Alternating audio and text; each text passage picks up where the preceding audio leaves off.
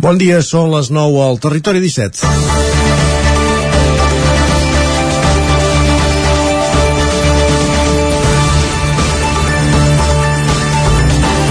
Adif ha adjudicat les obres per desdoblar el primer tram de l'R3 entre Parets i la Garriga. Ara ja sí, després de tota la tramitació prèvia, s'arriba a la recta final del procés i en els propers mesos han de començar els treballs per desdoblar un tram de 17 quilòmetres entre les estacions de Parets i la Garriga, que afecta els municipis de Montmeló, Granollers, Canovelles i les Franqueses. L'obra s'ha adjudicat a FCC Construcció i Comsa per 55,5 milions d'euros, més 8,43 milions addicionals en subministraments de materials.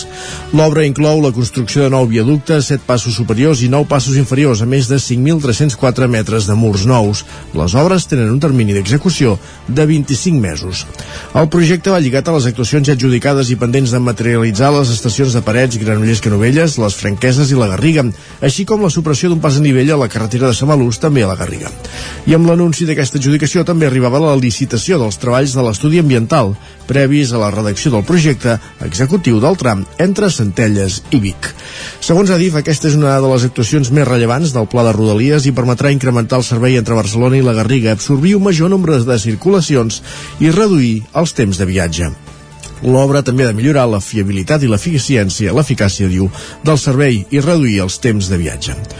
Falta molta feina per fer en matèria ferroviària. Fa tot just 15 dies parlàvem de mercaderies, tot explicant que el més calent és la higuera. Ara, Ara bé, avui és un dia per felicitar els usuaris del tren i a totes aquelles persones, entitats i institucions que durant dècades han treballat per arribar aquí. El desdoblament del tren nostre de cada dia comença a ser una realitat. En tren, en cotxe, caminant, esmorzant o treballant. És dijous, 27 de gener de 2022 i comença el Territori 17 a la sintonia de Ràdio Cardedeu, la veu de Sant Joan, Ona Codinenca, Ràdio Vic, el 9 FM i el 9 TV. Territori 17, amb Isaac Moreno i Jordi Sunyer.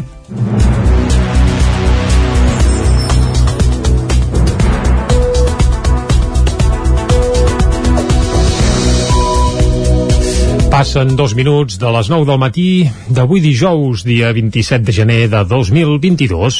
Arrenca ara mateix un nou territori 17 que avui, com sempre, durant la primera hora us acostarà tota l'actualitat de les nostres comarques. A partir de les 10, més informació i després arribarà el moment de l'entrevista.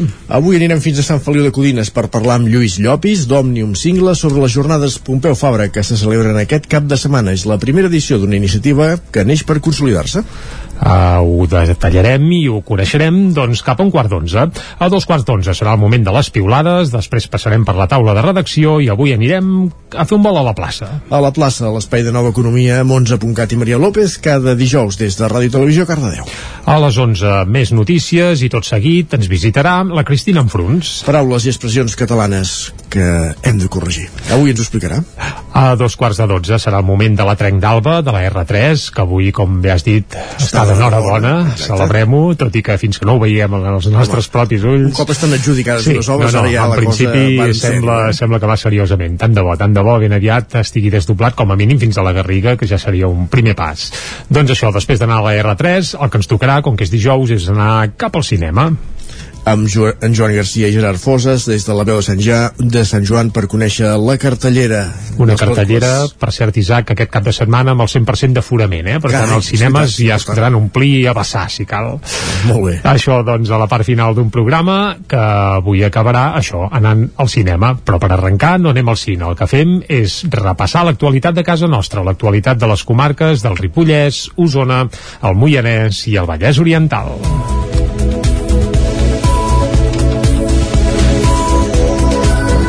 El ple de Manlleu tira endavant l'aprovació inicial del conveni urbanístic dels terrenys de l'antiga caserna de la Guàrdia Civil. Dels 1.352 metres quadrats que ocupa el terreny, 614 són propietat de l'Ajuntament, que ara hi projecta un equipament públic. Al ple d'aquest dimarts també es va comunicar l'endarreriment de dos mesos de l'inici del porta a porta. El ple que Manlleu va celebrar dimarts, de nou en format telemàtic, va tirar endavant l'aprovació inicial del conveni urbanístic dels terrenys de l'antiga caserna de la Guàrdia Civil, un punt que va comptar amb l'abstenció dels tres regidors de la CUP i que estableix la horitzontal que s'ha de fer de l'espai. Dels 1.350 metres quadrats que ocupa el terreny, 738 continuaran a mans del Ministeri de l'Interior espanyol. Seran de sol privat i es destinaran a usos residencials lliures. En els 614 metres quadrats restants, propietat de l'Ajuntament, s'hi projecta un equipament públic. Àlex Garrido és l'alcalde de Manlleu. L'altra part que queda uh, per l'Ajuntament, queda de sol públic, que és la promesa que sempre havien fet, que allà hi hauria un equipament uh, públic de superfície de 614 metres quadrats, amb el que deia un destí administratiu, cultural, social, de promoció econòmica o d'allotjament eh, dotacional. Uh, L'acord uh, amb el Ministeri també implica que l'enderroc d'aquest espai, d'aquest uh, edifici ja decadent, anirà a càrrec del mateix uh, Ministeri i uh, tot això, aquest conveni es signa ara, uh, però uh, es farà efectiu uh, al moment de l'aprovació definitiva uh, del POM L'acord entre l'Ajuntament i el Ministeri va comptar amb el suport de la majoria de l'oposició, amb l'abstenció, això sí, de la CUP. Els, els anticapitalistes van denunciar el paper que, asseguren, ha tingut durant més de 20 anys l'estat espanyol en aquest conflicte per la caserna. Albert Generó és regidor de la CUP. Per part de la CUP eh, entenem perfectament el posicionament de, de l'equip de govern, però trobem tan lamentable i tan denunciable el paper de l'Estat tots aquests anys que, que el vot serà una abstenció a aquest acord per, per, per aquest motiu.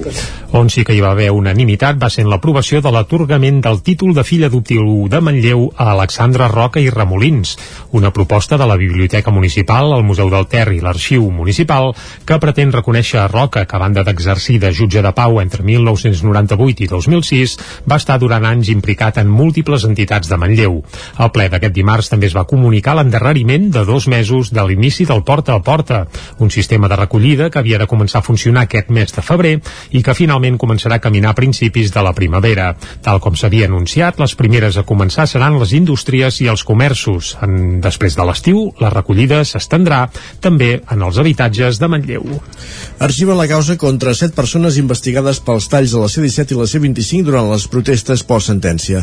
El jutge afirma que no hi veu indicis de delicte. El jutjat de primera instància i instrucció número 1 de Vic ha arxivat provisionalment el cas contra set persones investigades pels talls que hi va haver a la C-17 i C-25 a l'alçada de Gurb durant les protestes post-sentència entre els dies 15 i 20 d'octubre de 2019. El jutge ha arxivat la causa perquè, segons explica en el seu escrit, no veu indicis de delicte per cap dels set acusats, ni per desordres públics ni per danys. L'Associació d'Advocats d'Osona en Defensa dels Drets Humans ha fet càrrec de la defensa de més de la meitat dels acusats i havia demanat el sobreseïment i l'arxiu de les actuacions. A través de les xarxes s'han felicitat per la la decisió de la jutge, tot i que també consideren que aquest cas no tenia cap raó de ser des de bon principi. El ple de Ripoll dona un suport unànime a l'escola catalana. Isaac Muntades, des de la veu de Sant Joan. El ple de l'Ajuntament de Ripoll d'aquest dimarts va aprovar per unanimitat una moció de suport a l'escola catalana presentada per l'equip de govern de Junts per Catalunya. La proposta té la intenció de fer una crida a la societat catalana per defensar el model educatiu de l'escola en català i vol consolidar-lo, protegir-lo i blindar-lo. Els acords també demanaven respecte al govern de l'estat espanyol cap a aquesta decisió i volien denunciar la intromissió dels tribunals de justícia. La regidora d'Educació Dolors Vilalta va remarcar que la llengua llengua catalana encara està lluny de la seva normalització i en alguns àmbits el seu ús és minoritari. Per això les darreres decisions judicials els han empès a portar aquesta moció al plenari. I atès el recent aval del Tribunal Suprem a la sentència del Tribunal Superior de Justícia de Catalunya que obliga tots els centres catalans a fer un mínim d'un 25% de classes en castellà que es presenta aquesta moció de suport al manifest de la plataforma unitària Som Escola, el model d'escola i a la llengua catalana. Chantal Pérez d'Esquerra Republicana va assenyalar que hi ha grups de d'extrema dreta que utilitzen una cosa tan pacífica com l'educació en català per imposar els seus ideals. El PSC també va donar suport a la moció, tot i que la seva portaveu, Anna Belén Avilés, va trobar a faltar un suport més explícit als mestres en els acords presos. També va recordar que tots els centres escolars estan obligats a disposar d'un projecte lingüístic que forma part del seu programa educatiu i on s'hi han de reflectir les estratègies, accions i mesures de correcció per assolir les competències en l'àmbit lingüístic. Pel PSC era un problema que s'havia creat del no-res. Aquest document d'obligatori compliment pels centres ha de reflectir, i cito textual actualment les estratègies educatives que garantiran l'aprenentatge de la llengua castellana. Per tant, aquesta situació a la que hem arribat no té cap tipus de sentit si legalment això ja està garantit. En el cas d'aquesta sentència, el Tribunal Superior de Justícia s'ha atribuït unes funcions que no li corresponen, comportant-se de facto com si fos una cambra legislativa més. La regidora no escrita, Sílvia Oriols, va emetre un sí crític perquè creia que no s'havia de traspassar la responsabilitat a la ciutadania i que els polítics havien de ser capaços de gestionar els problemes. També va tractar d'ingenus a l'equip de govern perquè ella no esperava cap picada d'ullet d'Espanya des dels fets de l'1 d'octubre. Si jo sóc sincera, aquests acords semblen més aviat una carta als Reis d'Orient. Molta il·lusió, molta esperança, molt ens hem portat bé, però allò que en el fons demanen a crits que els portin, que és democràcia i respecte, doncs resulta que Espanya ja no en té, ni en estoc, ni a la línia de producció, ni al catàleg de primavera. Oriols també va confirmar que abans que es dictés la sentència al 25% de les classes en castellà, ja hi havia un professor de l'Institut Abat Oliva de Ripoll que feia les classes en aquest idioma i ningú havia dit mai res plens a Manlleu, a Ripoll i també a Mollà, on per unanimitat es va aprovar la preservació del parc Francesc Vinyes. Jordi Givert, des d'Ona Codinenca. Un primer ple municipal de l'any tranquil i amb consens aprova la declaració de bé cultural d'interès local del Parc Francesc Vinyes. Tots els grups polítics han estat d'acord en potenciar la conservació de l'emblemàtic Parc de Mollà, que, a més a més, des de l'esclat de la pandèmia, ha vist potenciat el seu paper com a punt de trobada dels moianesos i espai on dur a terme activitats culturals. Sebastià Ferrer, regidor de Via Pública i Mobilitat, explicava que aquest és només un primer pas de la conservació del parc. Hem de fer molta feina. Elaboració d'un pla de millora i restauració d'elements vegetals. Elaboració d'un pla de millora i educació de les infraestructures del parc, camins, parterres, rec, clavegram, moltes coses. Creació d'una ordenança de protecció de l'arborat i elaboració d'un pla d'usos del conjunt del parc. Des dels grups de l'oposició han donat suport a la declaració de Becil. Escoltem Maria Tarté, de Junts poques coses tant consens um, com amb el parc, no? la necessitat de, de que aquesta joia que tenim al poble doncs, de, de potenciar-lo, protegir-lo, que és el que es farà també amb el Becil. El, el Sebastià, el regidor, ha comentat doncs, tota la feina que tenim, tots aquests plans que s'han de fer, esperem doncs, uh, que també ens posem ja a redactar tot això des de Capgirem Mollà, Eduard Altarriba aprofitava la vinentesa per demanar la protecció i declaració de Becil al patrimoni industrial de Mollà que aquest perfil porti endavant a una mica la, que reverteixi la degradació de certes zones del parc i que li doni uns nous usos i com vaig exposar també en el seu moment a la comissió informativa i demanar ja que hi estem xicats en temes de declaracions de refils que també incorporem tota la zona que comadran i exporem el patrimoni industrial i la memòria de la classe treballadora en el nostre patrimoni la declaració de bé cultural d'interès local ha estat aprovada per unanimitat amb els vots d'Ara Mollà, Junts, Capgirem Mollà i el PSC. I encara l'Ajuntament de Mollà, el ple també va aprovar el projecte per acabar les obres de l'aparcament soterrat de la plaça del Cap, Jordi Givert. El ple municipal també ha servit per encarar el tram final del projecte per acabar les obres d'aparcament soterrat de la plaça del Cap de Mollà, es troba en exposició pública després eh, d'estar abandonat des de l'any 2011. Dionís Guiteres, alcalde de Mollà, recordava el tràgic recorregut de l'obra projectada per l'anterior alcalde Josep Monràs. És un projecte que hem acordat entre totes i tots els grups municipals, per tant, eh, amb tot el suport, ho hem discutit, ho hem parlat, eh, això serà un, un canvi eh, un canvi radical de la mobilitat de Mollà, que posa les persones al centre de la mobilitat. Eh, recuperem un patrimoni que recordem era d'una societat municipal que va fer fallida dues vegades, que al final va anar als actius a un concurs o una subhasta els grups de l'oposició també han fet eh, costat a l'equip de govern en aquest projecte. Montse Girbau, de Junts, n'era un exemple.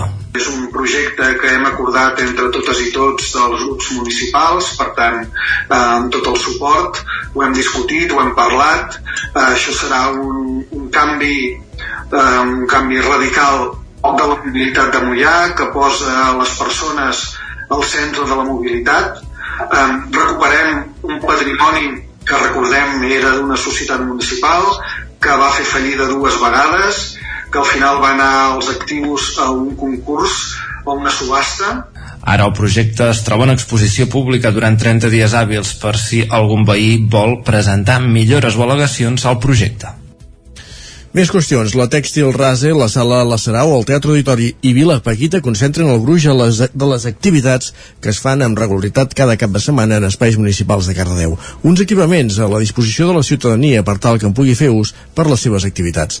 Núria Lázaro, de Ràdio Televisió Cardedeu. Amb 200 hores setmanals són equipaments culturals de referència per a les activitats que s'hi organitzen amb regularitat. Tallers de circ, clown, teatre social, teatre jove, dansa, balls en línia, gospel i un llarg etc. Aquest any 2021 s'han gestionat un total de 312 instàncies de sol·licitud d'equipaments, de les quals el 64% van ser d'entitats i d'associacions, el 24% de centres educatius i el 6% de particulars, l'altre 6 d'empreses. Per poder fer ús dels equipaments cal presentar la instància específica equipaments esmentant l'activitat que s'hi desenvoluparà, l'equipament que se sol·licita i les dates i horaris d'ús.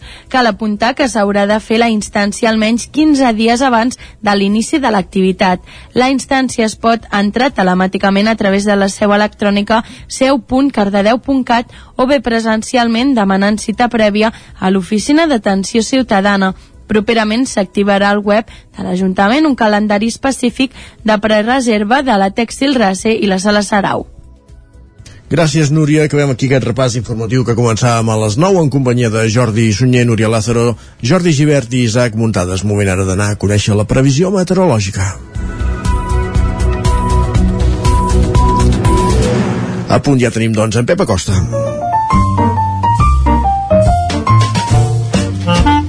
Casa Terradellos us ofereix el temps. I en Pep Acosta, que aquests dies el tenim avorridot, perquè, bé, perquè el temps és que no canvia, no hi ha manera. El saludem avui, aviam si hi ha algun indici de canvi. Pep, bon dia. Pep, Pep. Hola, ara, ara. bon dia. Molt bona hora. Esteu? Bé. Ja estem aquí a l'espai del temps. Mm -hmm.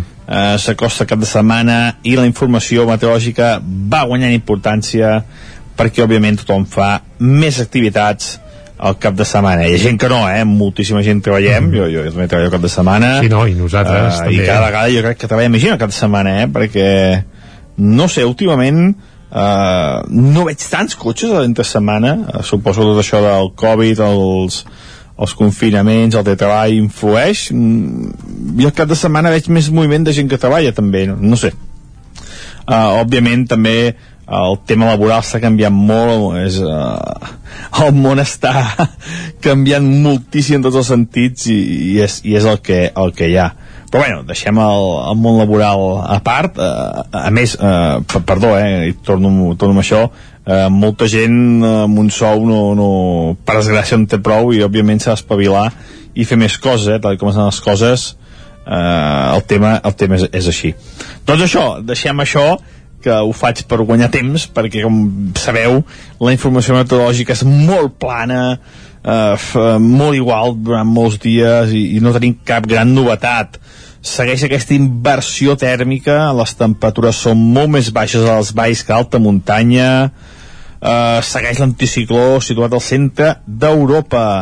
Uh, això està provocant ja que els pantans comencen a estar a nivells bastant, bastant baixos uh, Boadella, Sau s'acosten al 40% i aviat haurien de començar les restriccions si és que no millora el panorama que de moment no millorarà per enlloc eh? els pròxims 10-15 dies no veig pluges situació mm, bastant alarmant uh, però bueno uh, ja, ja fa dies que ho dic i, i és només la punta de l'iceberg uh, de tots els problemes que estem tenint que seran moltíssims a més aquest canvi climàtic serà molt molt important el que passarà eh? però bueno, tot això ho anirem parlant ara anem pel dia d'avui que també, perdó, abans al dia d'avui una altra curiositat uh, aquest coet de SpaceX la, la companyia d'Elon Musk em sembla que és el Elon Musk el, el, el jefe d'aquesta companyia està a punt d'estrellar-se contra la, Lluna. Veurem què acaba passant. Diuen que els científics pot ser interessant. Ara pla. uh, veure com es formen els cràters com, com peta amb la Lluna. No sé, jo no, no hi estic gaire d'acord però veurem, veurem què acaba passant eh? també pot confirmar-se, comentarem els pròxims dies. I ara si anem pel dia d'avui. Temperatures mínimes de 2, 3, 4 sota 0 són les més enclotades. A les zones altes temperatures fins i tot positives, entre 0, 1, 2 graus, a la tot de Núria, Baiter, per tant aquest contrast tèrmic, aquesta inversió tèrmica entre les zones més enclotades i les zones més altes, i atenció, durant el dia d'avui molta tranquil·litat, eh, molt de sol, les temperatures màximes una mica més altes, eh? Ja el dia es va allargant eh, i les temperatures són més suaus. La majoria màximes entre els 15 i els 17 graus. Gairebé cap núvol, poques boires, situació anticiclònica. Adéu, bon dia. Bon dia, Vilet. Ah, bé. Punts d'economia, punts de- d'astrofísica... I de. I de costumisme, que Sí, sí. sempre és divertit. Doncs res, anem cap a les portades, no? És el que toca. Vinga, va, som-hi. Casa Tarradellas us ha ofert aquest espai. Doncs això, el moment de saber què diuen avui els diaris. I avui va, per fer-ho diferent, començarem pel punt avui. Va, fem-ho diferent i comencem pel punt avui que titula Passaport caducat però no parlen del passaport espanyol perquè el procés va com va sinó que passen de, parlen del passaport Covid eh? Uh, que ningú se'ns emocioni el govern decideix no prorrogar l'obligació de presentar el certificat Covid va ser una decisió que es va prendre ahir uh, abans d'ahir va ser la de treure les restriccions i ahir va caure el certificat Covid. Les infeccions baixen en algunes franges d'edat apunta el govern i la pressió sanitària està continguda. També parlen d'aquesta nova variant diu que és lleu però més contagiosa aquesta Omicron sigilosa es veu que l'han batejat així i que és lleu però encara més contagiosa que l'Omicron. Per tant caldrà anar en compte i seguir-ho seguir de prop.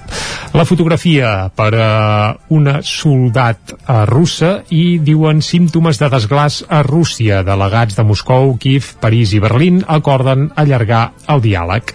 I també apareix a la portada del punt avui Bartomeu, l'expresident del Barça i la seva junta que aniran a la Fiscalia. Eh, els han denunciat i cap a la Fiscalia a passar comptes de bé, de la seva gestió que no podríem titllar de brillant, per dir-ho ras i curt. No, precisament. Va, anem cap a l'ara. Som-hi. El titular principal, el govern retira l'obligatorietat del certificat Covid. L'executiu diu que l'Omicron fa perdre eficàcia al passaport com a capa de seguretat. També apunten que Salut notifica dos casos de la nova variant sigil·losa de l'Omicron, més contagiosa però igual de lleu. Uh, ja expliquem, abans no vingui la Cristina Enfruns, més tard, que aquesta variant sigil·losa va més la geminada, eh? per tant, fem-ho bé, fem-ho bé. Més apunts, la fotografia principal de l'ara és per uh, aquest conflicte que es viu a la frontera entre Rússia i Ucraïna i apunten que els Estats Units i l'OTAN mantenen el pols amb Putin. També un altre titular, govern i comitè olímpic espanyol busquen un consens amb l'Aragó sobre els Jocs Olímpics d'hivern clar, es volen fer el 2030 uh, això de fer Jocs Olímpics uh, entre dos estats diferents o dues comunitats, ja no sé per on ho hem d'agafar eh? però la veritat és que Seran els, són els Jocs del Pirineu. El Pirineu no té fronteres, home. no, no, el Pirineu no, no, no, però, però vaja, uh, cada cop uh, embolica que fa més fort i a més a Però més és que hi ha un detall, que és que la, per molt que hi, hi, hi acabi havent candidatura, eh, llavors ha de guanyar, ha de, ha de ser proclamada. Clar, evidentment, evidentment. Vaja, vaja. I si hi ha gaire guirigall, el primer que fan a la gent que en teoria decideixen coi. és uh, votar uh, on en teoria no hi ha conflictes ni desavinences i tothom està molt content de rebre uns jocs. Però vaja, això serien figues d'un altre paner. Deixem uh, la portada de l'ara i anem cap a l'avantguàrdia, que avui titula explicant que els Estats Units ofereixen a Rússia una via diplomàtica seriosa, seriosa ho posen entre cometes, però rebutgen les exigències. Aquest és el titular principal de l'avantguàrdia i també apareix la Junta del Barça porta a la Fiscalia la gestió de Bartomeu i el govern posa fi a l'obligatorietat del passi Covid. A part, també apareix que els Estats Units apujaran els tipus d'interès el proper dia 16 de març. Per tant, sembla que això de que el que el caler pràcticament no valgui res, té els dies comptats, però això caldrà seguir-ho. Anem cap al periòdico. El titular principal és pel Barça i Bartomeu. Eh? El Barça porta a la Fiscalia la gestió de Bartomeu.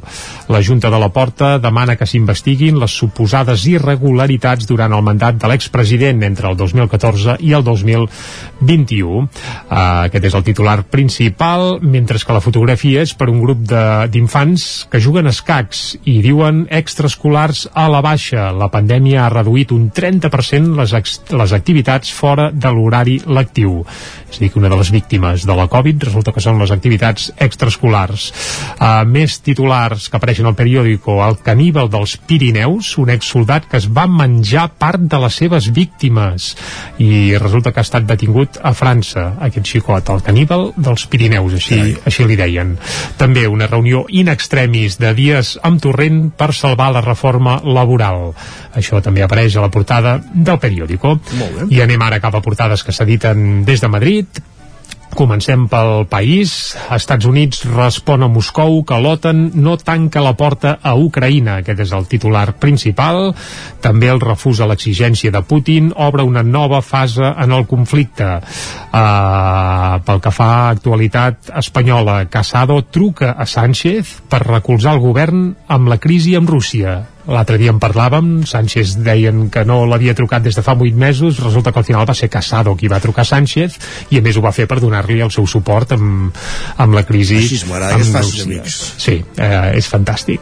Més coses, Yolanda Díaz eh, fa el gest amb la negociació amb Esquerra Republicana per aconseguir el seu recolzament. Eh, això també apareix a la portada del país. Anem a més portades que s'editen des de Madrid, fem un cop d'ull a l'ABC, el govern introdueix canvis eh, atenció, de tapadillo a la reforma laboral. De tapadillo ho dic textual perquè és el que diuen a la portada de l'Ara. Eh? Yolanda Díaz utilitza el decret sobre la Sareb per colar modificacions i complica el seu tràmit parlamentària. Aquest colar també és textual, no me l'invento pas jo.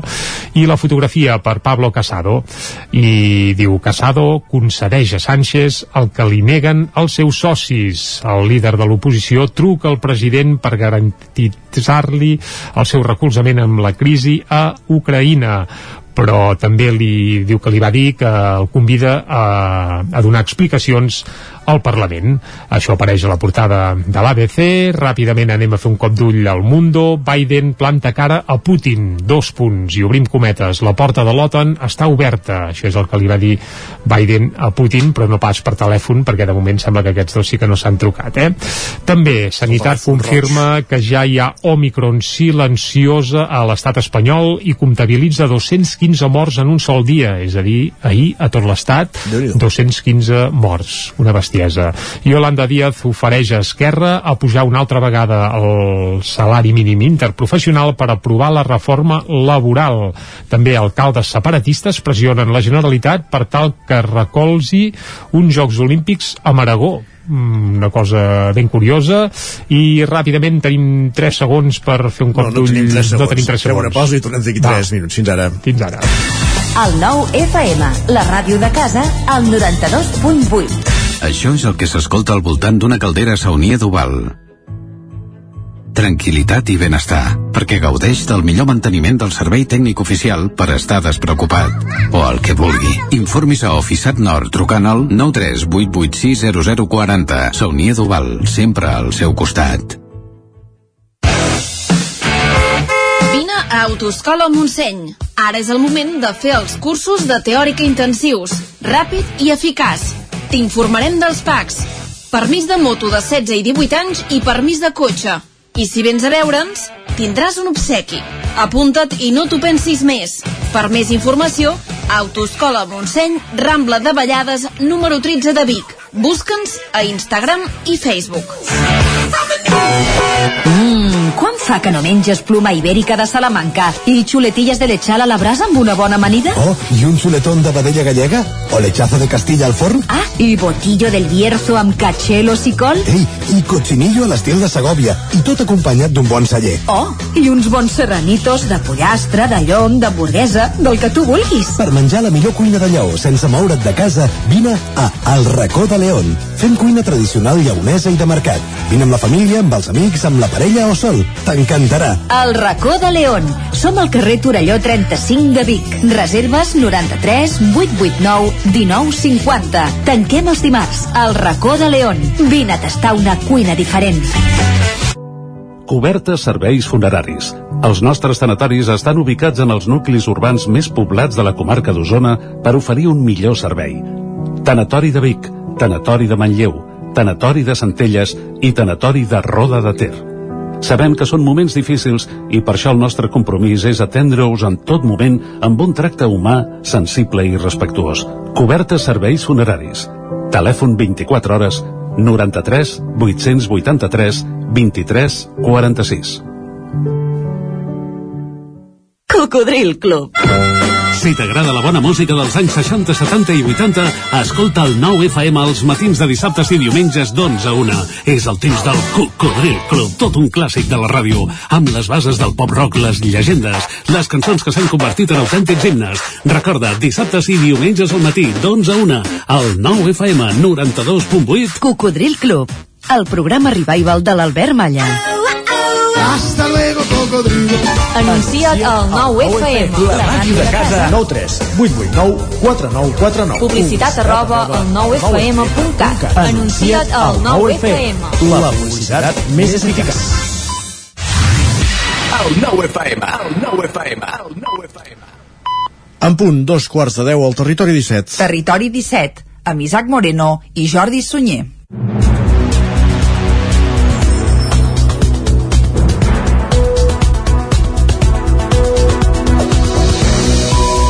I a dos quarts de deu en punt d'avui dijous, dia 27 de gener de 2022, el que toca de seguida és acostar-vos de nou tota l'actualitat de casa nostra, però abans ja us avancem una mica el menú que tindrem fins al pic de les 12 del migdia. Abans de les 10, avui, com sempre, hi posarem una mica de música per desengrassar, uh -huh. i avui descobrirem que una de les bandes punteres del pop nacional ha fitxat un xicot del territori 17. Ah, sí? Sí. Carai. Uh, què? Avancem alguna pista o ho deixem aquí de moment? Com vulguis. Va, la banda és de un color que li deu agradar molt en Pep Acosta aquests dies perquè el cel sempre no hi ha núvols i és de color blau. Bé. Ja, de fer el joc de paraules amb aquell tipus d'ànec dolent. que no piula, eh? Ah, correcte, correcte. Va, ja sabem quina és la banda, no? Doncs després, des, doncs després descobrirem que han fitxat per treure un nou disc, un nou músic, que és usonenc, concretament de Centelles, i bé, els detalls de seguida i a més a més música. Això a les 10. A les Molt bé. 10, a les 10 en punt. Uh, més informació i després a l'entrevista avui anirem cap a Caldes, oi? No, Sant Feliu. Ah, Sant Feliu. Eh, Sant Feliu de Codines per parlar amb Lluís Llopis d'Òmnium Single sobre les jornades Pompeu Fabra que se celebren aquest cap de setmana. Pompeu. Fabra que, Pompeu Fabra que de fet estiuejava a Cal, a Sant Feliu i l'últim lloc de Catalunya des, d'on- Bé, des d'on va marxar a l'exili des de va Caldes, des de Sant. Feliu, correcte. Des de Sant Feliu, perdó, exacte. Des de Sant Feliu de Codines van prendre el viatge de cap a Feliu, l'exili eh, i a l'exili es va quedar perquè està enterrat a Prada de Conflent, recordem-ho. Doncs a partir d'aquest any el que volen des d'Òmnium eh, Singles és eh, eh, recordar la seva figura i fer aquestes jornades anualment a finals del mes de gener. Doncs tots els detalls d'aquí una estona a l'entrevista de Territori 17. A dos quarts d'onze serà el moment de les piulades, després passarem per la taula de redacció i tot seguit anirem a la plaça. Nova Economia, amb 11.cat i Maria López des de Ràdio Televisió Cardedeu, com dèiem, el tombada la segona i la tercera hora. A les 11, més informació i tot seguit, paraules i curiositats del català. Amb Cristina Enfruns. I acabarem, com sempre fem els dijous, bé, els dijous i cada dia, primer anant a la R3, a la Trenc d'Alba, que avui està d'enhorabona, la R3. Uh, recordem que... S'ha anunciat Isaac- el desdoblament Correcte. entre Bé, fins a la Garriga. Parets i la Garriga. Correcte. Tampoc estem parlant de la línia sencera, només faltaria, però vaja. Però s'han licitat ja està, també Exacte, les obres ja... Bé, bé, bé, anem bé, anem bé. Aviam si ho acabem veient en vida encara, això, sí. va. I acabarem, com tots els dijous... d'estar a punt pels Jocs Olímpics, no? Ui, ui, ui, ui, ui, Isaac, vas molt enllà. Va, sí. Ah, va, i avancem que acabarem com tots els dijous anant al cinema. Amb Gerard Fosa i en Joan Garcia des de la veu de Sant Joan. I ara el que toca, com sempre, és acostar-vos de nou l'actualitat de casa nostra, l'actualitat de les comarques del Ripollès, Osona, el Moianès i el Vallès Oriental. El ple de Manlleu tira endavant l'aprovació inicial del conveni urbanístic dels terrenys de l'antiga caserna de la Guàrdia Civil. Dels 1.352 metres quadrats que ocupa el terreny, 614 són propietat de l'Ajuntament, que ara hi projecta un equipament públic. Al ple d'aquest dimarts també es va comunicar l'endarreriment de dos mesos de l'inici del porta a porta. El ple que Manlleu va celebrar dimarts, de nou en format telemàtic, va tirar endavant l'aprovació inicial del conveni urbanístic dels terrenys de l'antiga caserna de la Guàrdia Civil, un punt que va comptar amb l'abstenció dels tres regidors de la CUP i que estableix la divisió divisió horitzontal que s'ha de fer de l'espai. Dels 1.350 metres quadrats que ocupa el terreny, 738 continuaran a mans del Ministeri de l'Interior espanyol. Seran de sol privat i es destinaran a usos residencials lliures. En els 614 metres quadrats restants, propietat de l'Ajuntament, s'hi projecta un equipament públic. Àlex Garrido és l'alcalde de Manlleu. L'altra part que queda uh, per l'Ajuntament, queda de sol públic, que és la promesa que sempre havien fet que allà hi hauria un equipament uh, públic de superfície de 614 metres quadrats, amb el que deia un destí administratiu, cultural, social, de promoció econòmica o d'allotjament eh, dotacional. Eh, L'acord eh, amb el Ministeri també implica que l'enderroc d'aquest espai, d'aquest eh, edifici ja decadent, anirà a càrrec del mateix eh, Ministeri i eh, tot això, aquest conveni es signa ara, eh, però eh, es farà efectiu eh, al moment de l'aprovació definitiva eh, del POM L'acord entre l'Ajuntament i el Ministeri va comptar amb el suport de la majoria de l'oposició, amb l'abstenció, això sí, de la CUP. Els, els anticapitalistes van denunciar el paper que, asseguren, ha tingut durant més de 20 anys l'estat espanyol en aquest conflicte per la caserna. Albert Generó és regidor de la CUP. Per part de la CUP eh, entenem perfectament el posicionament de, de l'equip de govern, però trobem tan lamentable i tan denunciable el paper de l'Estat tots aquests anys que, que el vot serà una abstenció a aquest acord per, per, per aquest motiu. On sí que hi va haver unanimitat va ser en l'aprovació de l'atorgament del títol de fill adoptiu de Manlleu a Alexandra Roca i Remolins, una proposta de la Biblioteca Municipal, el Museu del Ter i l'Arxiu Municipal que pretén reconèixer a Roca que a banda d'exercir de jutge de pau entre 1998 i 2006 va estar durant anys implicat en múltiples entitats de Manlleu. Al ple d'aquest dimarts també es va comunicar l'endarreriment de dos mesos de l'inici del Porta a Porta, un sistema de recollida que havia de començar a funcionar aquest mes de febrer i que finalment començarà a caminar a principis de la primavera. Tal com s'havia anunciat, les primeres a començar seran les indústries i els comerços. En, després de l'estiu, la recollida s'estendrà també en els habitatges de Manlleu. Arxiva la causa contra set persones investigades pels talls de la C-17 i la C-25 durant les protestes post-sentència. El jutge afirma que no hi veu indicis de delicte. El jutjat de primera instància i instrucció número 1 de Vic ha arxivat provisionalment el cas contra set persones investigades pels talls que hi va haver a la C-17 i C-25 a l'alçada de Gurb durant les protestes post-sentència entre els dies 15 i 20 d'octubre de 2019. El jutge ha arxivat la causa perquè, segons explica en el seu escrit, no veu indicis de delicte per cap dels set acusats, ni per desordres públics ni per danys. L'Associació d'Advocats d'Osona en defensa dels drets humans ha fet càrrec de la defensa de més de la meitat dels acusats i havia demanat el sobreseïment i l'arxiu de les actuacions. A través de les xarxes s'han felicitat per la decisió de la jutge, tot i que també consideren que aquest cas no tenia cap raó de ser des de bon principi.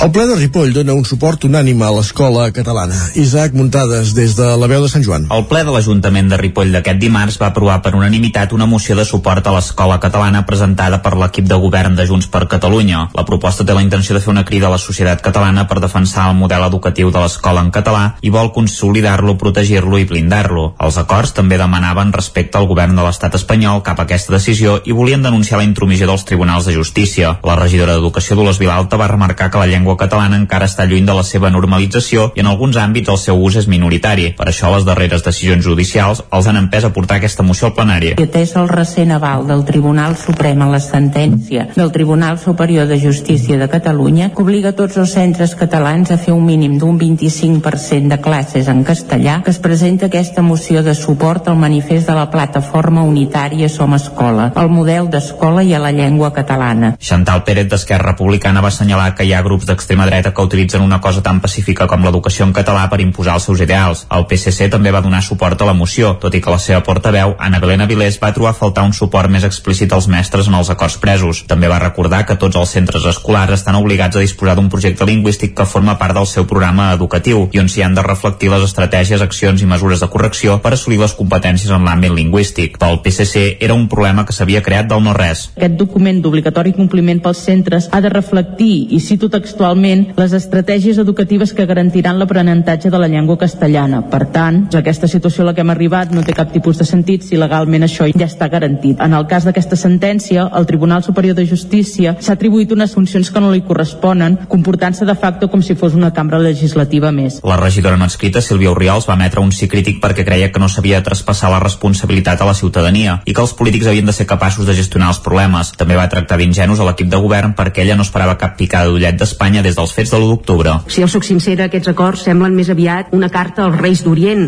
Molta il·lusió, molta esperança, molt ens hem portat bé, però allò que en el fons demanen a crits que els portin, que és democràcia i respecte, doncs resulta que Espanya ja no en té, ni en estoc, ni a la línia de producció, ni al catàleg de primavera. Oriols també va confirmar que abans que es dictés la sentència del 25% de les classes en castellà, ja hi havia un professor de l'Institut Abat Oliva de Ripoll que feia les classes en aquest idioma i ningú havia dit mai res.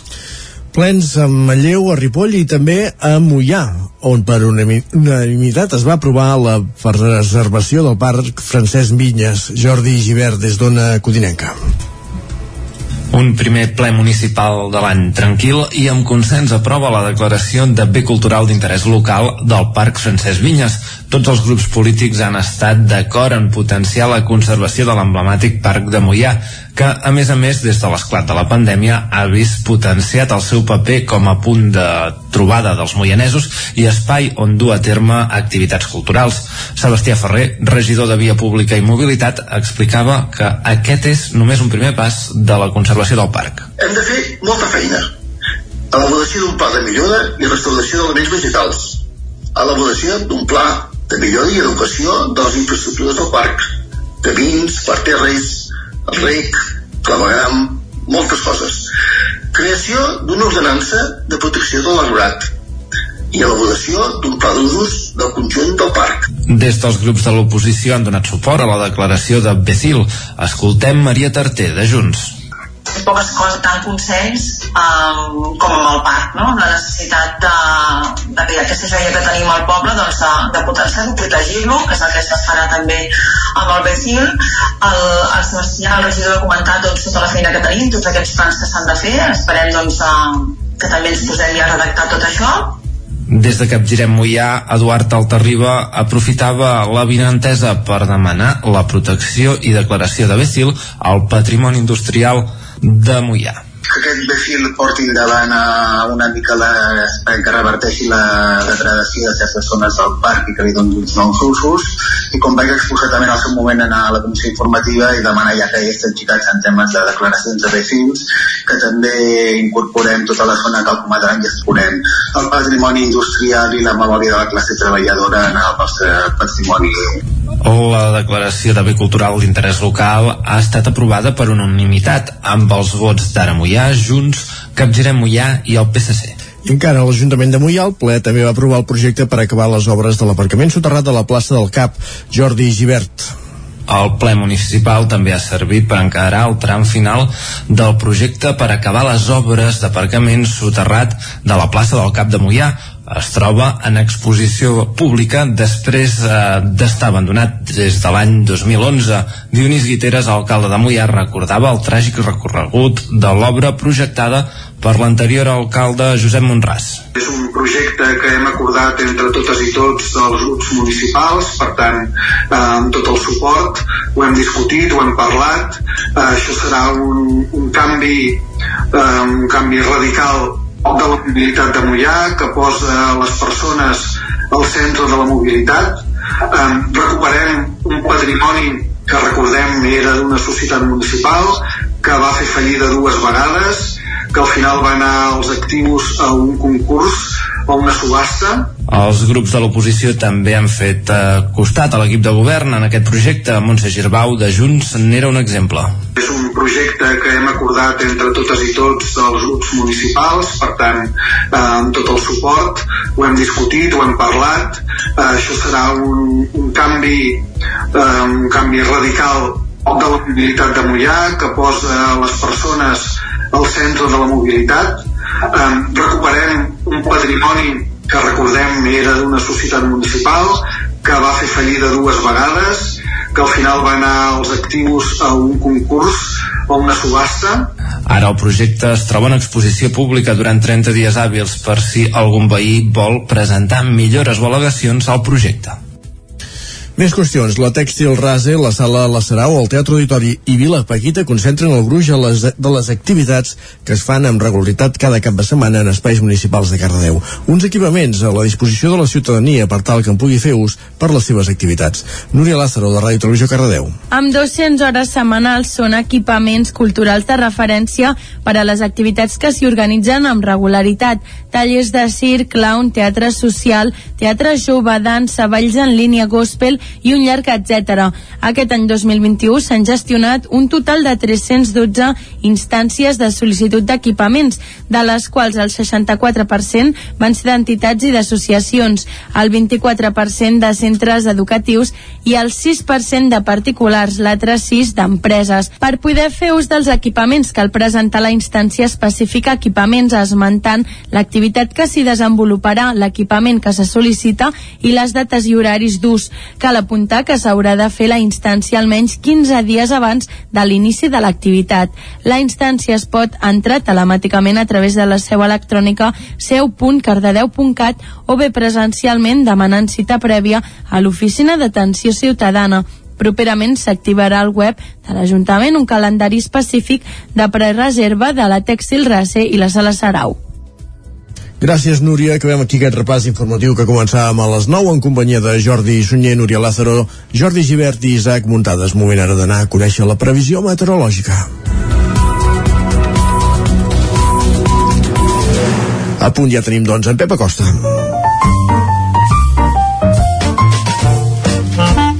Casa Terradellos us ofereix el temps. I en Pep Acosta, que aquests dies el tenim avorridot, perquè, bé, perquè el temps és que no canvia, no hi ha manera. El saludem avui, aviam si hi ha algun indici de canvi. Pep, bon dia.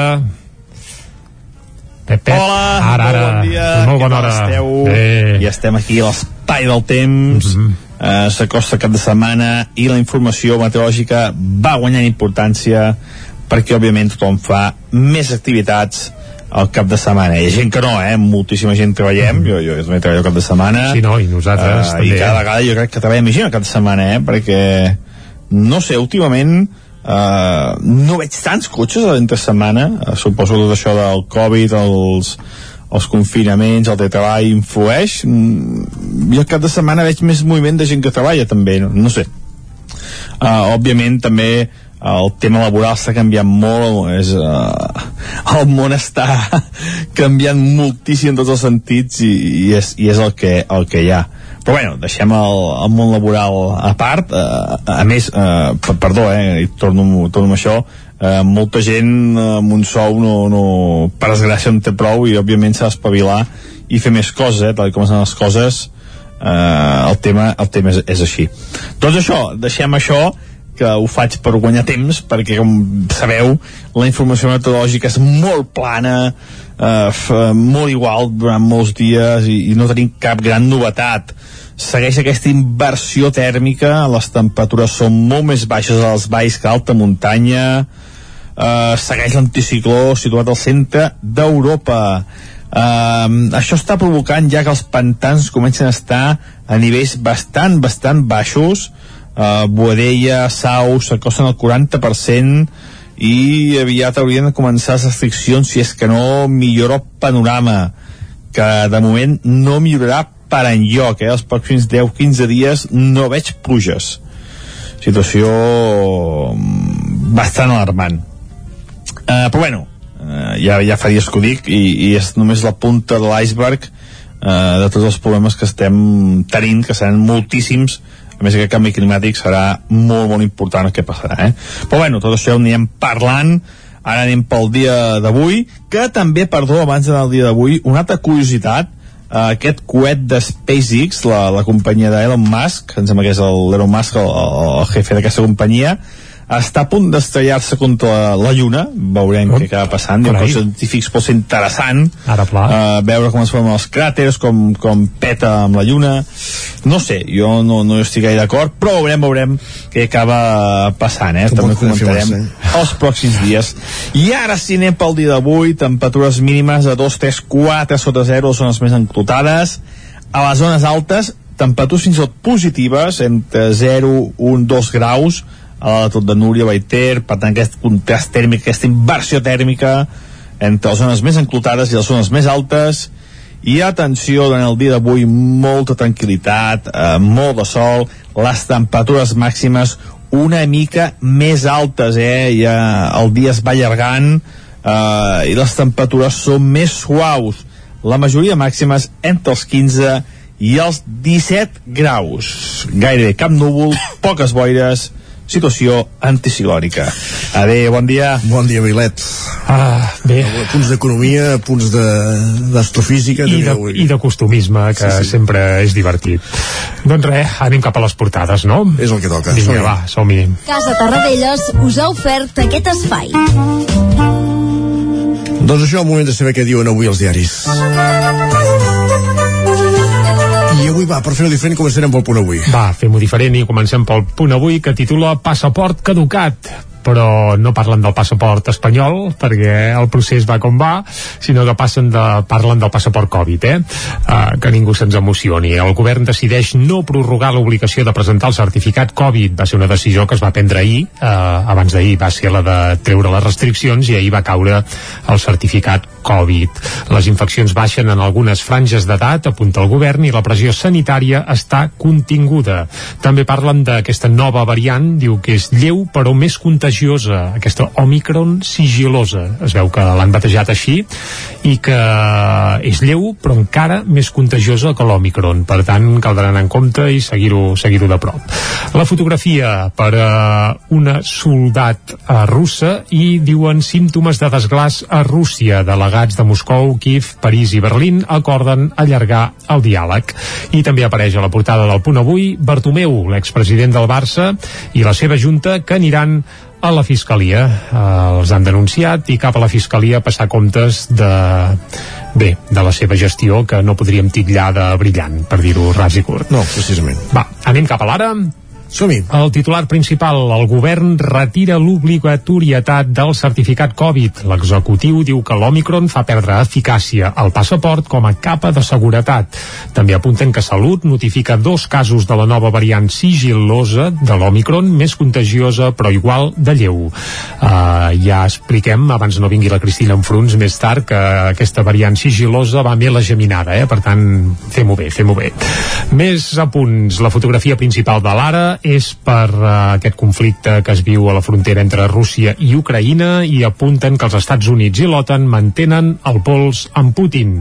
També un altre titular, govern i comitè olímpic espanyol busquen un consens amb l'Aragó sobre els Jocs Olímpics d'hivern clar, es volen fer el 2030 uh, això de fer Jocs Olímpics uh, entre dos estats diferents o dues comunitats, ja no sé per on ho hem d'agafar eh? però la veritat és que No, no, són els Jocs del Pirineu, el Pirineu no té fronteres, home. no, no, el Pirineu no, no, no, però, però vaja, uh, cada cop uh, embolica que fa més fort i a més a més... És que hi ha un detall, que és que la, per molt que hi, hi, hi acabi havent candidatura, eh, llavors ha de guanyar, s'ha de, ha de ser proclamada. Clar, evidentment, evidentment. Vaya, va. I si hi ha gaire guirigall, el primer que fan a la gent que en teoria decideixen coi. és uh, votar uh, on en teoria no hi ha conflictes ni desavinences i tothom està molt content de rebre uns jocs. Però vaja, això serien figues d'un altre paner. Deixem uh, la portada de l'ara i anem cap a l'avantguàrdia, que avui titula explicant que els Estats Units ofereixen a Rússia una via diplomàtica seriosa, seriosa ho posen entre cometes, però rebutgen les exigències. Aquest és el titular principal de l'avantguàrdia i també apareix la Junta del Barça porta a la Fiscalia la gestió de Bartomeu i el govern posa fi a l'obligatorietat del passi Covid. A part, també apareix que els Estats Units apujaran els tipus d'interès el proper dia 16 de març. Per tant, sembla que això de que el, que el caler pràcticament no valgui res té els dies comptats, però això caldrà seguir-ho. Anem cap al periòdico. El titular principal és pel Barça i Bartomeu. Eh? El Barça porta a la Fiscalia la gestió de Bartomeu. La Junta de la Porta demana que s'investiguin les suposades irregularitats durant el mandat de l'expresident entre el 2014 i el 2021. Uh, aquest és el titular principal, mentre que la fotografia és per un grup d'infants que juguen escacs i diuen extraescolars a la baixa. La pandèmia ha reduït reduït un 30% les, les activitats fora de l'horari lectiu. És a dir, que una de les víctimes de la Covid resulta que són les activitats extraescolars. Uh, més titulars que apareixen al periòdico, el caníbal dels Pirineus, un exsoldat que es va menjar part de les seves víctimes i resulta que ha estat detingut a França, aquest xicot, el caníbal dels Pirineus, així, així li deien. També una reunió in extremis de dies amb Torrent per salvar la reforma laboral. Això també apareix a la portada del periòdico. I anem ara cap a portades que s'editen des de Madrid, Comencem pel país. Estats Units respon a Moscou que l'OTAN no tanca la porta a Ucraïna. Aquest és el titular principal. També el refús a l'exigència de Putin obre una nova fase en el conflicte. Uh, pel que fa a actualitat espanyola, Casado truca a Sánchez per recolzar el govern amb la crisi amb Rússia l'altre dia en parlàvem, Sánchez deien que no l'havia trucat des de fa 8 mesos resulta que al final va ser Casado qui va trucar Sánchez i a més ho va fer per donar-li el seu suport amb, amb la crisi. Així m'agrada, és fàcil amics. Sí, eh, és fantàstic.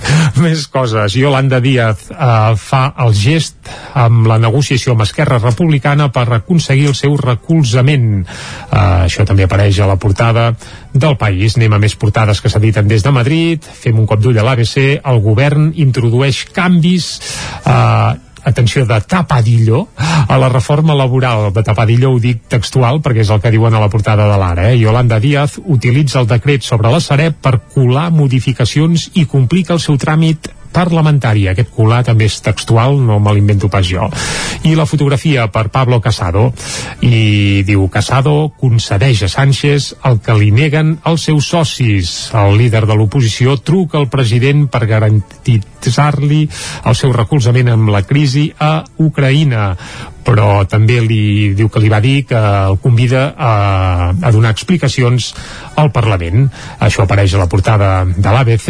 Ràpidament anem a fer un cop d'ull al Mundo. Biden planta cara a Putin. Dos punts. I obrim cometes. La porta de l'OTAN està oberta. Això és el que li va dir Biden a Putin, però no pas per telèfon, perquè de moment sembla que aquests dos sí que no s'han trucat. Eh? També, Sanitat confirma que ja hi ha Omicron silenciosa a l'estat espanyol i comptabilitza 215 morts en un sol dia, és a dir, ahir a tot l'estat 215 morts, una bestiesa. Yolanda Díaz ofereix a Esquerra a pujar una altra vegada el salari mínim interprofessional per aprovar la reforma laboral. També alcaldes separatistes pressionen la Generalitat per tal que recolzi uns Jocs Olímpics a Maragó.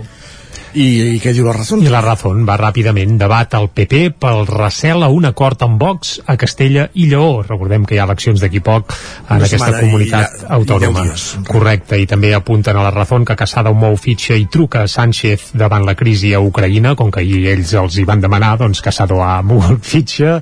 I per acabar, atenció, perquè aquest és un apunt que no surt enlloc més i bé, la Razón aquí potser, ai, ai. potser posen el dit a la llaga. No, no, és un tema molt banal i que ens afecta a tots. L'estat espanyol és el país, bueno, ells diuen Espanya és el país on més va pujar la gasolina i ara mateix és més cara que a Alemanya o a França ostres, fa temps que no vaig a posar benzina a la Catalunya Nord, però abans era més cara allà i ara sembla que aquí ja els estem avançant. En aquests temes no caldria, per no, exemple. No caldria, però ja sabem que ens agrada ocu- ocupar aquests primers llocs del rànquing, Sí. darrerament. Sí, sí, doncs sembla que la gasolina espanyola s'està posant al nivell o fins i tot el supera de la benzina europea.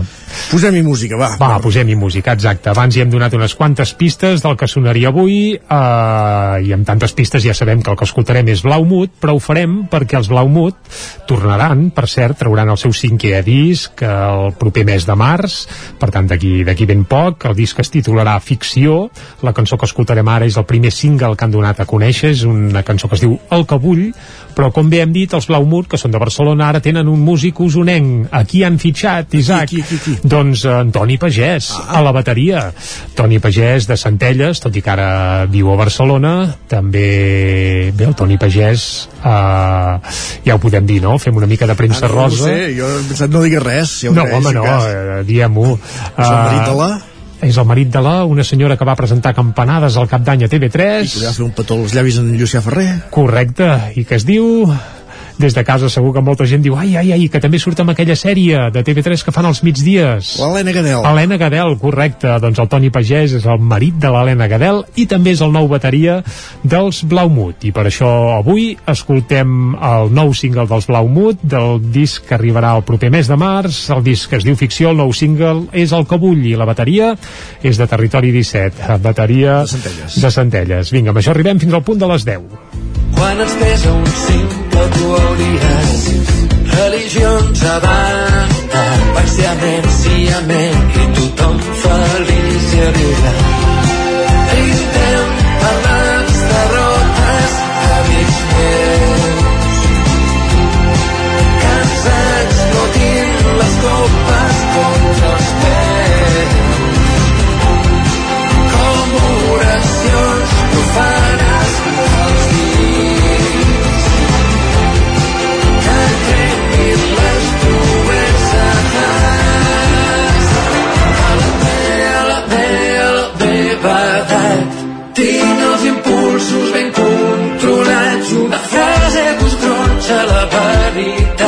després faig el que vull.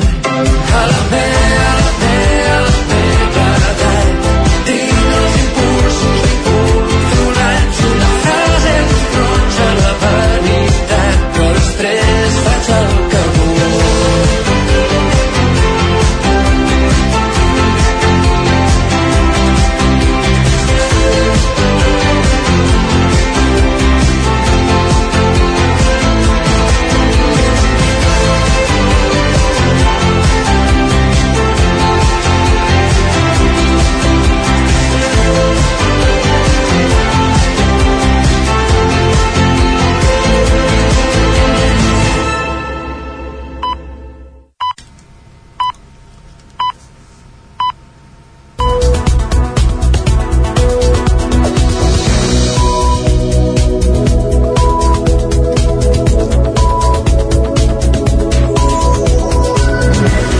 Al Territori 17 és moment d'actualitzar-nos, de posar-nos al dia, de conèixer les notícies més destacades de les nostres comarques i ho fem en connexió amb les diferents emissores que cada dia fan possible aquest programa. La veu de Sant Joan, Ona Codinenca, Ràdio Cardedeu, Ràdio Vic, el 9 FM i el 9 TV.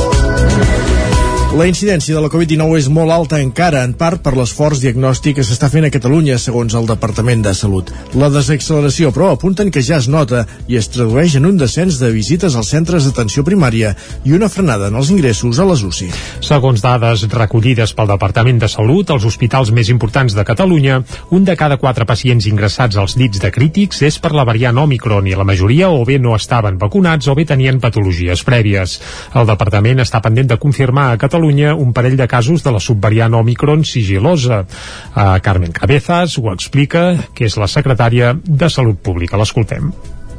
Estem mirant com aquesta necessita la seqüenciació completa pues encara no tenim del tot les dades confirmades però podria ser que tinguessin un o dos casos però falta confirmar-lo.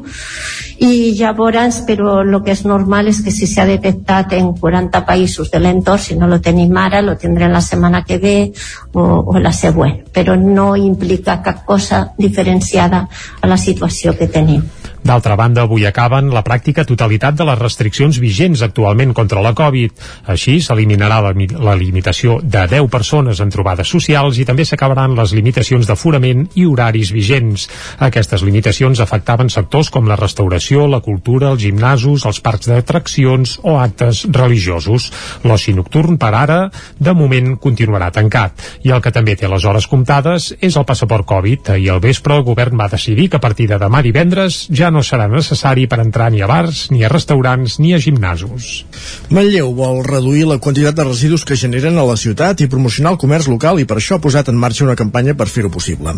S'hi pot participar completant reptes i objectius de diferents nivells a través d'una aplicació mòbil que permeten guanyar punts i obtenir premis. Comprar el pa amb una bossa de tela, portar una peça de roba que no s'utilitzi a un punt de recollida o fer compostatge casolà són alguns dels reptes que es proposen als veïns de Manlleu en el marc de la campanya Mouta pel residus Residu Zero, una iniciativa posada en marxa per l'Ajuntament de Manlleu i l'empresa Go Zero West.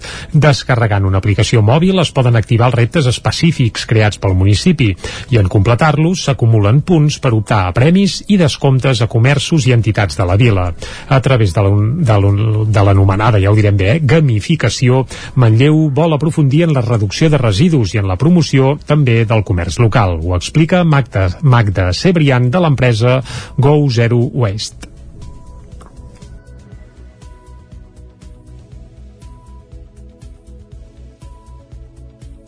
Partim d'uns 30 reptes que poden ser ampliables i que plantegen una sèrie d'accions que pot fer la ciutadania tant en el, el seu àmbit més quotidià com a l'hora de, de consumir el comerç per reduir residus i també per apostar per una per, a, per tots els establiments de, de compra local.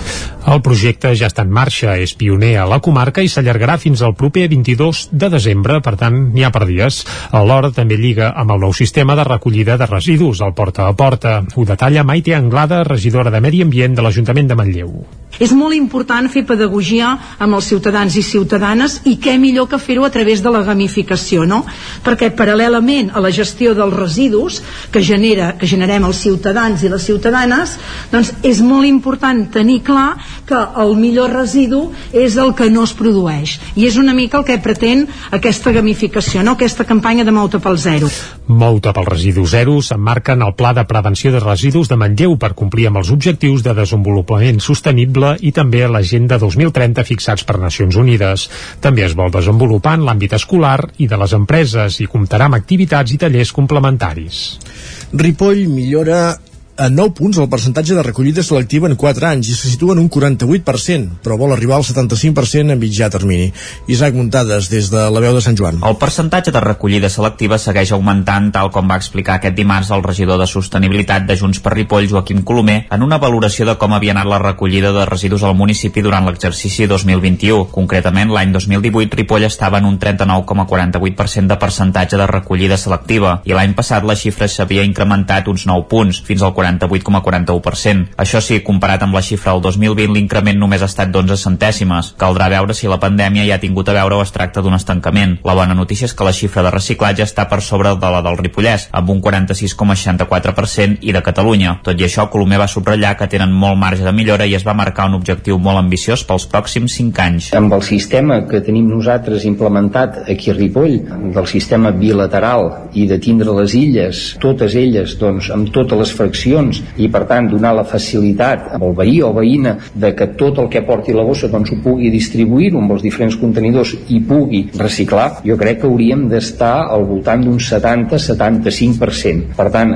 per això dic que ens queda molt marge, però sí doncs, que la gràfica doncs, està siguent positiva i per tant cada cop ens hi anem acostant més. Colomer apuntava que es podria superar el 90% de taxa de reciclatge si tothom fes el que toca, ja que l'autòpsia d'un contenidor de rebuig que es va fer fa uns mesos es podia reciclar el 96% del seu contingut. El regidor de Junts sí que va apuntar una dada que és més preocupant i que cal reduir. La mitja de quilograms habitant i dia per la població de Ripoll aquest any 2021 ha estat de 1,42 quilos. Això hauríem d'intentar entre tots doncs, de reduir-ho, perquè és una mitja bastant elevada, sobretot doncs, de no utilitzar bosses de plàstic, no utilitzar doncs, compres en productes doncs, empaquetats, intentar fer compres a granel, intentar doncs, eh, fer compra de proximitat entre les campanyes previstes per enguany ja s'ha posat en marxa el repartiment d'un tríptic a totes les cases que porta per títol en Ullenso i que explica els serveis que ofereix el consistori en matèria de residus, on són els contenidors de roba, de poda vegetal, d'oli, com es pot fer ús de la deixalleria o com funciona el servei de recollida de trastos i andròmines. Cal recordar que l'Ajuntament imposa multes entre 300 i 3.000 euros a les persones que abandonin mobles sense permís i que avisa els vilatans amb l'adhesiu de la campanya així no per tal d'evitar l'incivisme, ja que no poden destinar policies a vigilar tots els punts cada hora del dia. També s'està treballant una campanya dels grans productors com la restauració, l'hostaleria i les escoles per augmentar la recollida selectiva de l'orgànic i a les ordenances ja es premia els que completen una sèrie de tasques de reciclatge correctament, passant de pagar 160 euros a només 99. I més qüestions. Eh, han trobat una granada de morter de la Guerra Civil a Cànoves. Els TEDx dels Mossos d'Esquadra van retirar l'artefacte i el van destruir en un lloc controlat. Ens ho explica tot seguit Núria Lázaro des de Ràdio Televisió, Cardedeu. Núria, com vulguis. Un operari que feia tasques de neteja en un bosc de Cànoves i Samalús ha localitzat una granada de morter antiga. Es tracta de material de la Guerra Civil Espanyola, segons han explicat fons dels Mossos en un post a Instagram aquest dimarts. La troballa es va fer la setmana passada. L'operari va alertar els Mossos que van traslladar fins a la zona efectius del TEDx que es van fer càrrec de la retirada i de la destrucció posterior en un lloc segur. Els Mossos recorden que qualsevol persona que trobi algun artefacte abandonat ha de trucar al 112 i en cap cas manipular-lo. A Torelló, els carrossaires valoren positivament la decisió de les entitats organitzadores del Carnaval de Terra Endins d'ajornar un mes la festa. En parlàvem ahir a l'entrevista. El Carnaval de Torelló començarà oficialment, doncs, el dia 11 de març, amb la presentació de la festa i la proclamació del rei o la reina Carnestoltes. Quan falten encara dos mesos per donar el tret de sortida del Carnaval de Terra Endins, a la nau dels carrossaires de Torelló ja hi ha començat oficialment el temps de descompte. I és que, malgrat l'anunci divendres passat de l'ajornament del Carnaval, pels carrossaires cada minut és or. És per això que aquests dies a l'antic l'antiga nau de Can Cata, el moviment és pràcticament constant de persones que això sí recolzen totes unànimament la decisió d'ajornar un mes al Carnaval. Escoltem per aquest ordre Meritxell Vinyes, carrossaire dels embaucats, i Anna Colomer, dels grillats. En aquest sentit valorem com positiu, perquè és com, vale, tenim més temps, podem anar a fer una carrossa com Déu mana, com ens agrada fer-ho, i tothom crec que està d'acord que valia més eh, ajornar que no suspendre. Per tant, un any de Carnaval Sí, un any sense Carnaval sí, però dos ja hem dit que tots que no i per tant l'ajornament és la millor notícia dintre de la situació pandèmica que estem. Sí, nosaltres la valoració la fem molt positiva. La qüestió és poder sortir. Ja hem estat un any sense Carnaval i Torelló no es pot deixar perdre un esdeveniment com aquest.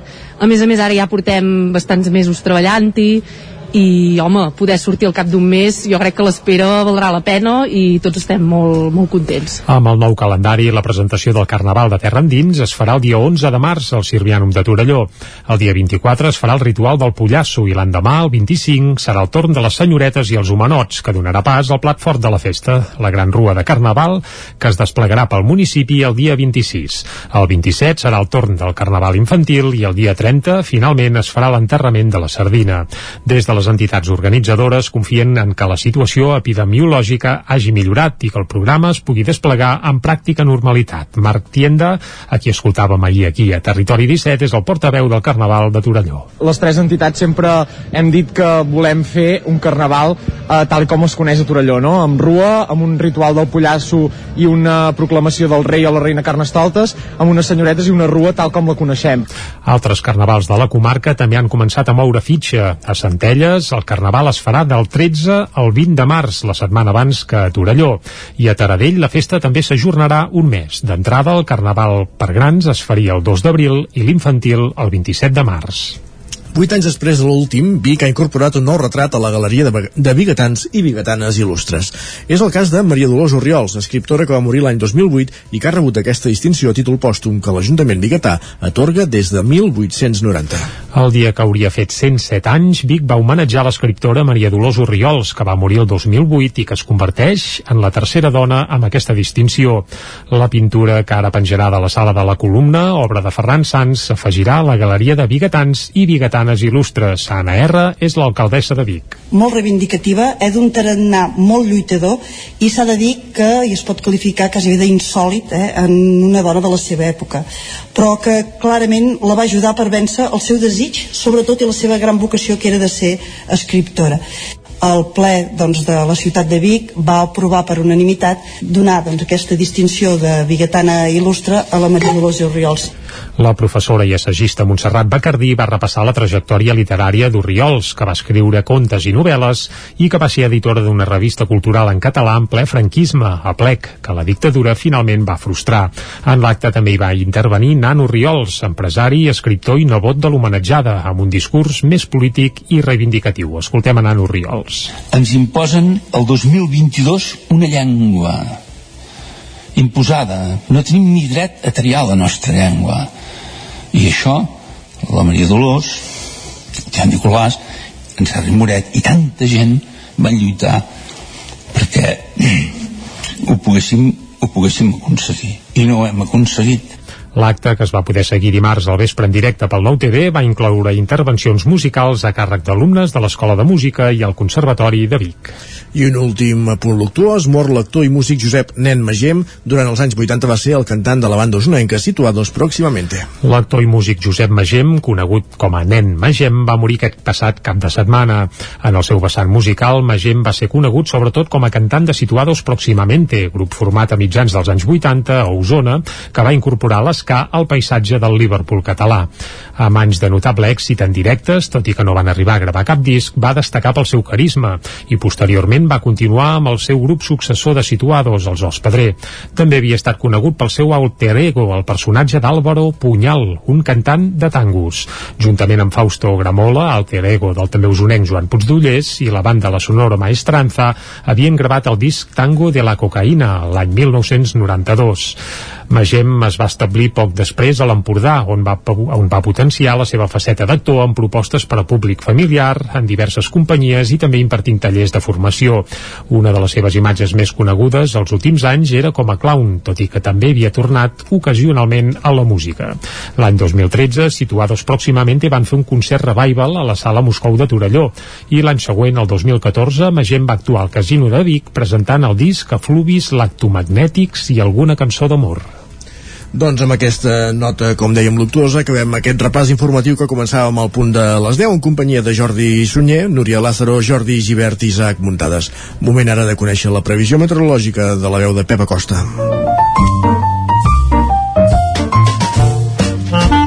Casa Terradellos us ofereix el temps. Un Pep Acosta, aquí ja saludem de nou. Molt bon dia, Pep. Hola, molt bon dia. Molt bona hora. Esteu? Segueix aquesta inversió tèrmica, les temperatures són molt més baixes als valls que a alta muntanya. Uh, segueix l'anticicló situat al centre d'Europa. Uh, això està provocant ja que els pantans comencen a estar a nivells bastant, bastant baixos. Uh, Boadella, Sau, s'acosten al 40%, i aviat haurien de començar les restriccions si és que no millora el panorama que de moment no millorarà per enlloc eh? els pròxims 10-15 dies no veig pluges situació mm, bastant alarmant uh, però bueno uh, ja, ja fa dies que ho dic i, i és només la punta de l'iceberg uh, de tots els problemes que estem tenint que seran moltíssims a més aquest canvi climàtic serà molt molt important el que passarà eh? però bueno, tot això ho anirem parlant. Ara anem pel dia d'avui que també, perdó, abans al dia d'avui una altra curiositat eh, aquest coet de SpaceX la, la companyia d'Elon Musk em sembla que és l'Elon Musk el, el jefe d'aquesta companyia està a punt d'estrellar-se contra la Lluna. Veurem què acaba passant. Diuen que els científics pot ser interessant uh, veure com es formen els cràters, com, com peta amb la lluna. No sé, jo no, no estic gaire d'acord, però veurem, veurem què acaba passant, eh? També comentarem els pròxims dies. I ara si anem pel dia d'avui, temperatures mínimes de 2, 3, 4 sota 0 són les més enclotades. A les zones altes, temperatures fins i tot positives, entre 0, 1, 2 graus, a la tot de Núria, Baiter, per tant aquest contrast tèrmic, aquesta inversió tèrmica, entre les zones més enclotades i les zones més altes. I atenció, durant el dia d'avui molta tranquil·litat, eh, molt de sol. Les temperatures màximes una mica més altes eh? ja el dia es va allargant eh, i les temperatures són més suaus. La majoria màximes entre els 15 i els 17 graus. Gairebé cap núvol, poques boires situació anticiclònica. Moltes gràcies i demà hi analitzarem el temps del cap de setmana. Adéu, bon dia. Vinga, bon dia, Pep. em sembla que tindrà poca feina també pel temps del cap de setmana perquè tot pinta bastant igual, eh? Ens ho explicarà demà. Anem cap a l'entrevista. Anem-hi, va. Som-hi. Casa Tarradellas us ha ofert aquest espai. Territori 17. Envia'ns les teves notes de veu per WhatsApp al 646 079 023. 646 079 023. WhatsApp Territori 17.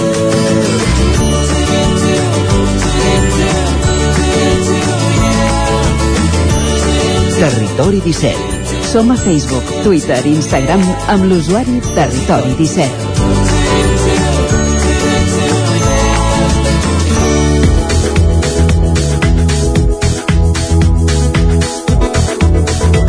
Passen dos minuts i mig d'un quart d'onze. El grup Òmnium Cultural dels Cingles de Bertí organitza aquest cap de setmana les primeres jornades Pompeu Fabra, coincidint amb el 83è aniversari de la seva marxa a l'exili, el passat dilluns, precisament des de Sant Feliu, on estiuejava qui es considera l'enginyer de la llengua catalana. Per entrar més en el detall de la figura de Fabra i de les jornades, en parlem tot seguit amb Lluís Llopis, de la secció local d'Òmnium als Cingles de Bertí. Bon dia, Lluís. Hola, bon dia.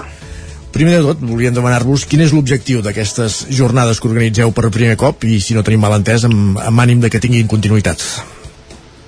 Uh, L'objectiu principal de les jornades és posar en valor a Pompeu Fabra Sant Feliu, que els codinencs uh, tinguin present la potència de la persona i el que representa pel poble i treure'n profit tant culturalment com a tots nivells, no? Uh -huh. Ja que tenim un referent tan important que va passar per aquí i que va haver d'emprendre l'exili cap a, a les terres nord-catalanes, doncs el que volem és això, no? Que, que estiguem orgullosos i orgullosos d'haver-hi un característiques.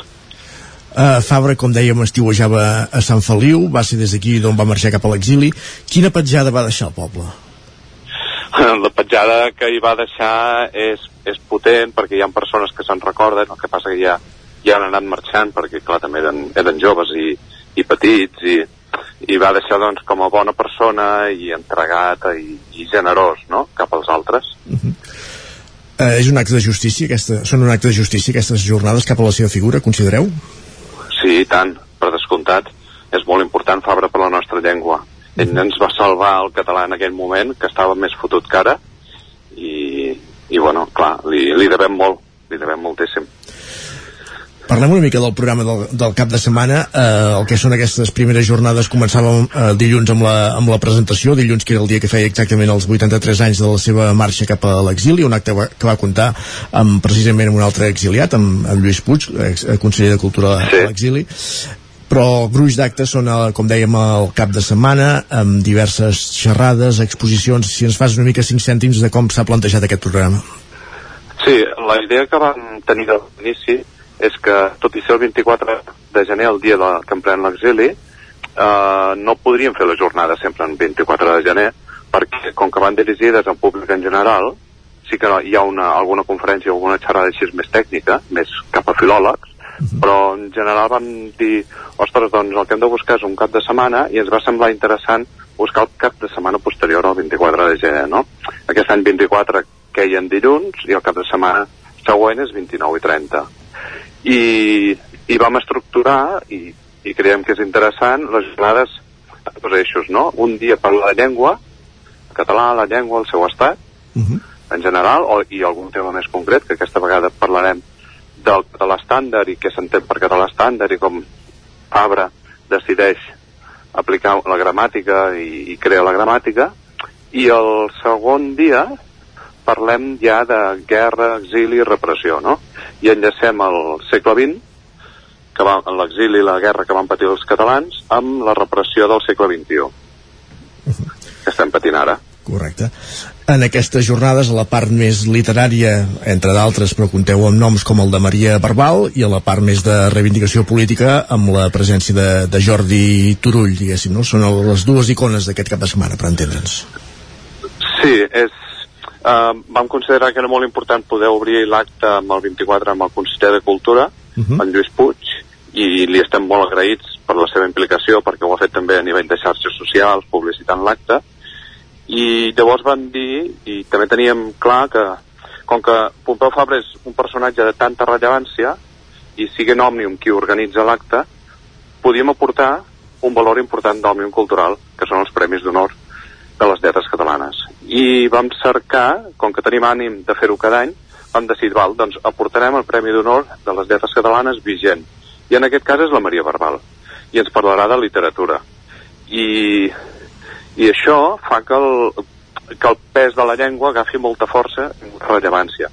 I trasllada el Premi d'Honor quan, quan, quan s'obté el Premi d'Honor fins ara tancant així, o sigui, en, entrellaça el Premi d'Honor amb, amb Fabra aquí a Sant Feliu, no? I la ciutadania de Sant Feliu també es mereix tenir un Premi d'Honor a casa, no? I poder-lo poder, -lo, gaudir. I en aquest cas, doncs, també hem fet una exposició de la Maria Barbal, que també és la Sanitòmio, i vol dir que enllacem la seva persona en concret amb una exposició, no? I, i llavors, l'altra part, amb la repressió, com que també podíem parlar amb el conseller um, Turull, doncs li vam dir, escolta, ens parlaries i ens tancaries les jornades parlant de la repressió del segle XXI, que has, que has patit en la pròpia pell. I és, és això, no? Per nosaltres són els consellers, tots dos, tant en Lluís Puig com en Jordi Turull, i així ho fem. Molt bé. A banda d'aquests noms, també el dissabte qui obre les jornades és Joaquim Viaplana, amb la conferència La llengua diversa per naturalesa, una una per convicció, també Outbou, defensar el país per defensar la llengua, defensar la llengua per defensar el país, i també una conferència sobre el català a les, a les xarxes. Pel que fa a diumenge, a part de Turull, també hi haurà la presència de, de Xavier Longàs Bosch, parlant de la persecució dels republicans de Sant Feliu, i també es projectarà un document gràfic codinencs durant la Guerra Civil i la, i la postguerra. Són les, els actes que completen aquestes jornades conjuntament amb les dues exposicions. Una ja ens la comentaves, aquesta de Maria Barbal, Maria Barbal de, del Trem al món, sí. i una altra dedicada a Pompeu Fabra, una, una llengua completa, diguéssim, no? Diguéssim, re, recordaran la figura de, del protagonista de les jornades, per entendre'ns. Sí, sí, la Generalitat de Catalunya amb el seu Departament de Cultura també s'ha implicat aportant aquesta exposició que la recuperem del 50 aniversari del, del naixement de Pompeu Fabra. Vol dir que estem, és com si estiguéssim reciclant una exposició, però que ajuda a entendre què, què, és, què és el català actual i per què Fabra arriba a tot això, no? On ens, ens munta el català, per dir-ho així, i vertebra les bases del català modern. Uh -huh. I veiem que hi ha una tercera exposició temporal fins al 5 de febrer a la Biblioteca Joan Petit Aguilar. Pompeu Fabra, el científic de, de la llengua, diguéssim. Sí, va ser molt interessant perquè només van començar a fer córrer la veu que volien fer unes jornades uh -huh. sobre Fabra, la Biblioteca Joan Petit Aguilar s'hi va implicar i pel seu compte ha organitzat una exposició a través de la Diputació que és fantàstic. Arribar a poder col·laborar amb diferents eh, entitats i organismes de Sant Feliu i això, doncs va bé perquè entre tots sumem i, i podem crear un producte més interessant, igual que Mots pel 21 que també s'ha implicat, o l'Associació de Coordionistes de Catalunya que també ha fet una aportació, no? Uh -huh. Uh, que, les, les altres dues exposicions, les que es fan al Centre Cívic La Fonteta, que de fet és el nucli neuràlgic de les, de les jornades, uh, es poden veure només aquest cap de setmana o també tenen continuïtat? La de la Maria Barbal està durant tota la setmana, les tardes, sí. fins al cap de setmana, i la de Pompeu Fabra només al cap de setmana, perquè és un espai interior de, on fem les conferències i xerrades, i llavors doncs, per temes de Covid i això doncs només el podíem obrir durant aquests dies. Estem parlant, com dèiem, d'aquestes primeres jornades Pompeu Fabra que s'organitzen a, a Sant Feliu sí. de Codina sota l'epígraf Llengua, Repressió i Exili. Com dèiem, la idea és que tinguin continuïtat cada any. Sí, perquè Fabra es mereix això. Fabra es mereix que el recordem i, i el que hem patit els catalans en les guerres i en els exilis, doncs també són coses que hem de posar en valor, igual que hem entrevistat a tots els, bueno, els avis més grans de Sant Feliu i emetrem un document en què ells ens expliquen les seves vivències personals que van tenir durant la guerra i la postguerra. I és curiós perquè hi haurà tots els punts de vista, podrem veure com la gent en la guerra, quan es troben en un costat, els hi passen les coses perquè estan en aquell costat, que no poden escollir, que es troben en circumstàncies molt personals i, i molt, molt portades a l'extrem que no els permet decidir cap on volen anar i què volen fer, mm. sinó que ells estan allà i la història els passa per allà. I vol dir que els mateixos fets els veurem des de diferents maneres, no? I com que també volíem eh, poder, poder rescatar aquests avis que ens expliquin què van viure ells, perquè els que tenim menys de 50 anys no ho hem viscut i, i els més joves això ja se'ls els queda molt lluny uh -huh. no volem que es repeteixi volem que, que tots hem saber què és el que va passar perquè no es repeteixi. Un exercici de memòria sens dubte. Lluís Llopis d'Òmnium sí. els cingles de Bertí gràcies per ser avui al Territori 17 gràcies a vosaltres. Bon dia. Vinga, bon dia. Fem una pausa, tornem d'aquí 3 minuts. El nou FM, la ràdio de casa al 92.8 Cobertes serveis funeraris. Els nostres tanatoris estan ubicats en els nuclis urbans més poblats de la comarca d'Osona per oferir un millor servei. Tanatori de Vic, Tanatori de Manlleu, Tanatori de Centelles i Tanatori de Roda de Ter. Sabem que són moments difícils i per això el nostre compromís és atendre-us en tot moment amb un tracte humà, sensible i respectuós. Cobertes serveis funeraris. Telèfon 24 hores 93 883 23 46. A la rostisseria El Plat ens agrada la cuina de sempre, la de les àvies i de les mares. La cuina feta amb paciència com s'ha fet tota la vida. Vine a provar els nostres canelons gruixuts o els croquetons, les nostres croquetes de 80 grams. I recupera el gust del pollastre las com els que es menjaven abans. Ah, i aprofita fins a finals de febrer 20% de descompte en els canelons i el pollastre. Rostisseria El Plat, encàrrecs fins a les 12 del migdia i servei a domicili. Ens trobaràs de dijous a diumenge al carrer Església número 6 de Taradell o al 93 135 58 85. Les males herbes no et deixen veure i clar? Amb Sebastià Vivet això s'acabarà. Desbrossaments forestals de finques i terrenys, treballs d'hort i boscos amb tractor, tallem gespa a l'engròs, som professionals i tenim tota la maquinària necessària. Truca'ns al 636 24 22 85. Sebastià Vivet, preparats pel que calgui.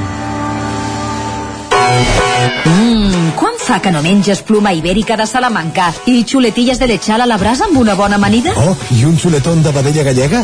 O lechazo de Castilla al forn? Ah, i botillo del Bierzo amb cachelos i col? Ei, i cochinillo a l'estil de Segovia, i tot acompanyat d'un bon celler. Oh, i uns bons serranitos de pollastre, de llom, d'hamburguesa, del que tu vulguis. Per menjar la millor cuina de lleó sense moure't de casa, vine a El Racó de León. Fem cuina tradicional lleonesa i de mercat.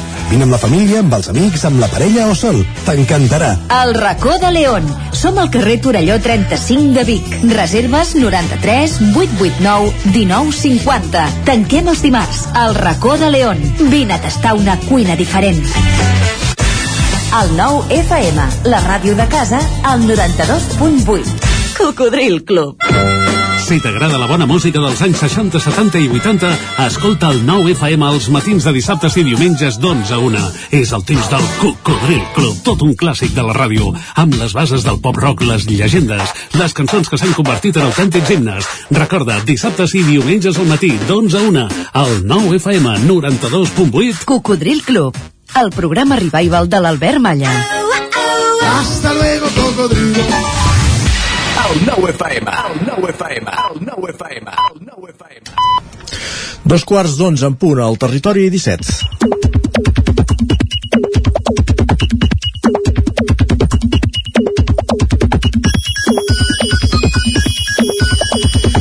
I això m'indica que en Guillem Sánchez ja ha de, ser, ja ha de voltar per l'estudi, eh, Jordi? Sí, sí, bé, ja no volta, ja el tenim assegut eh, i a punt per treure una mica de punta a algunes piulades.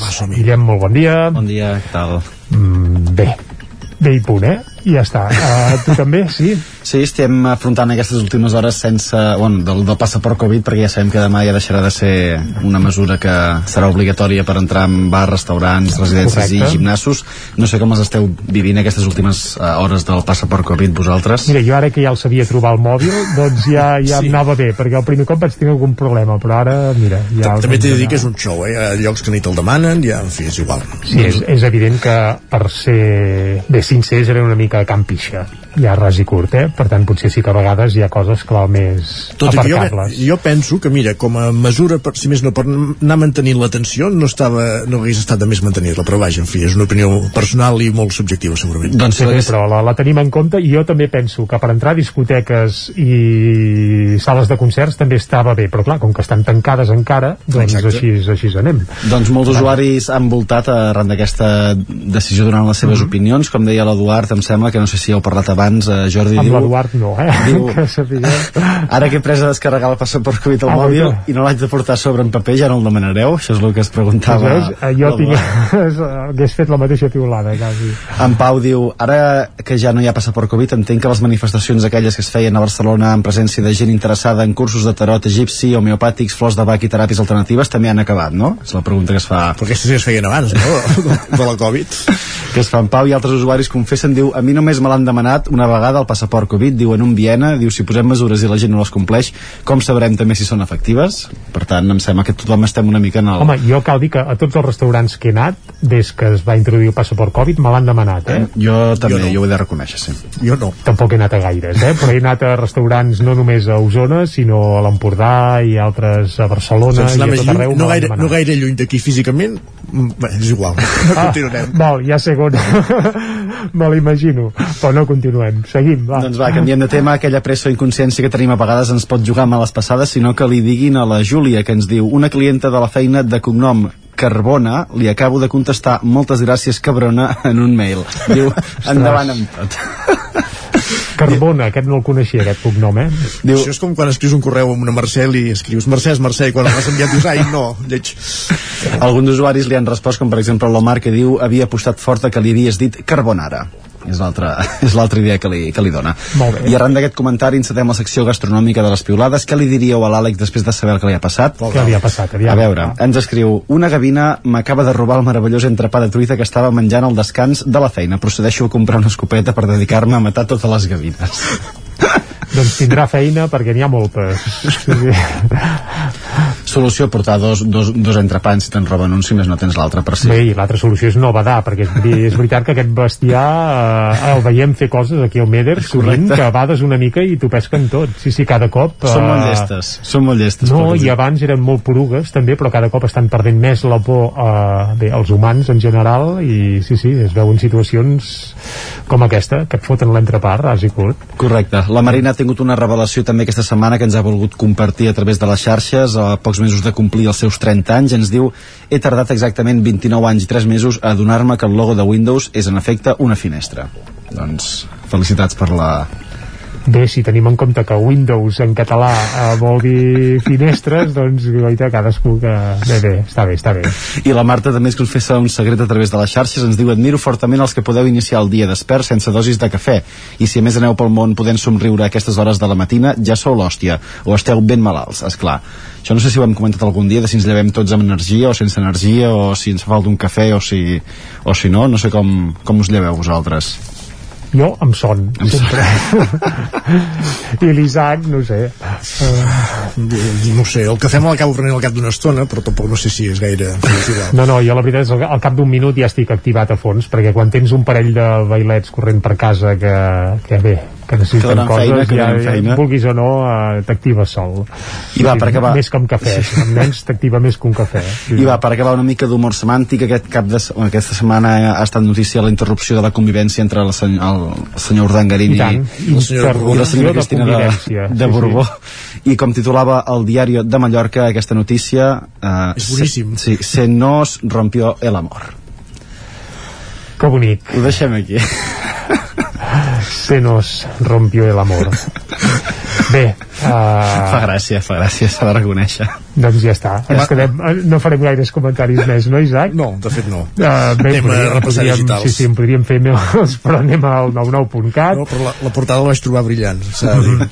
Et deixa'm dir també que, escolta, el duc Empalmado, ai, perdó, el duc de, de Palma, ex-duc de Palma i la seva ex-dona, tenien vincles en territori 17 Ah, sí? perquè molt sovint eren a Viladrau. La família Urdangarín tenia una clar, casa- tenien casa una Viladrau, casa, tenen encara casa a Viladrau i per tant, escolta, és que són mig de territori 17, Els eh? podem convidar un dia a veure si volen venir aquí a l'entrevista. I tant. També, també. A veure si... Va, ho provem. Provem-ho, va. Va, vinga. Doncs ara que ja sabem que són mig de, de casa nostra, de Viladrau, doncs seguim, anem al 99.cat, on ara mateix no hi apareix ni l'Urdangarín ni la seva ex-dona, sinó que el que hi apareix a l'edició d'Osona i el Ripollès és un titular que diu que Catalunya tanca el 2021 amb un descens rècord de desocupació i la taxa d'atur més baixa des del 2008. També Adif adjudica les obres de desdoblament de la línia R3 entre Parets i la Garriga per 55,6 milions d'euros.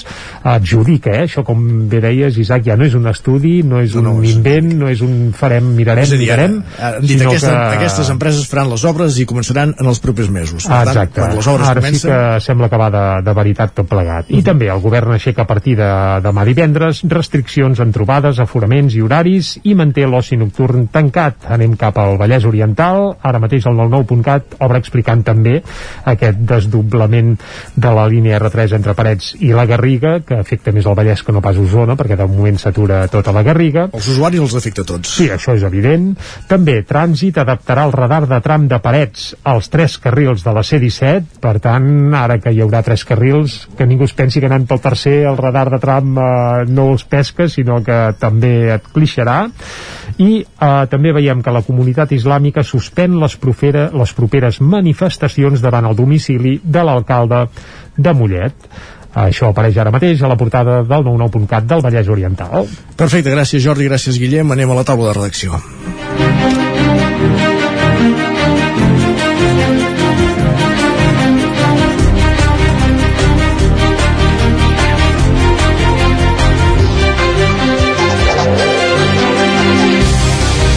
A la taula de redacció avui ens espera l'Isaac Muntades per començar, per parlar del ple de Ripoll. N'hem fet un abans a les notícies, explicant, per exemple, la moció sobre el català i també el, el debat sobre la recollida de deixalles, o les dades sobre la recollida de deixalles, i ara ampliem aquesta informació, com dèiem, amb, amb l'Isaac Muntades. Bon dia, Isaac. Bon dia. Doncs eh, sí, el ple de Ripoll doncs, va tenir sobretot eh, l'interès en, en aquesta moció de suport a l'escola catalana. Va ser més aviat un ple de tràmit amb pocs eh, punts substanciosos. De fet, no va durar ni, ni una hora. Per tant, molt, una, molt bassa d'oli tot plegat. I, i res, va ser en aquest punt que de fet tampoc va tenir molta, molta discussió pel que fa al vot, perquè tots els grups eh, eh, municipals doncs, van votar-hi a favor, es va aprovar per unanimitat Uh, potser la veu més discrepant en aquest cas com ja sol ser altres vegades va ser la, la de Sílvia Oriols que ella va comentar doncs, que hi votava amb un sí crític uh, perquè uh, apuntava que no s'havia traspassat tant la responsabilitat a la, a la ciutadania que, perquè la moció doncs, uh, parlava d'això, no? que la ciutadania havia de defensar doncs, uh, també l'ús del català i, i ella comentava que havien de ser més els polítics que ho havien de fer i, i bé, no, no es fiava doncs d'instar el govern espanyol a que ho respectés i, i va haver-hi doncs a, a, a, alguns moments de, del seu discurs abrandat doncs que ja, ja sabem una mica uh, com és, uh, també va confirmar això no? que, que, que abans que es dictés la sentència el 25% de les classes en, en castellà, que és una mica el que ha motivat aquesta moció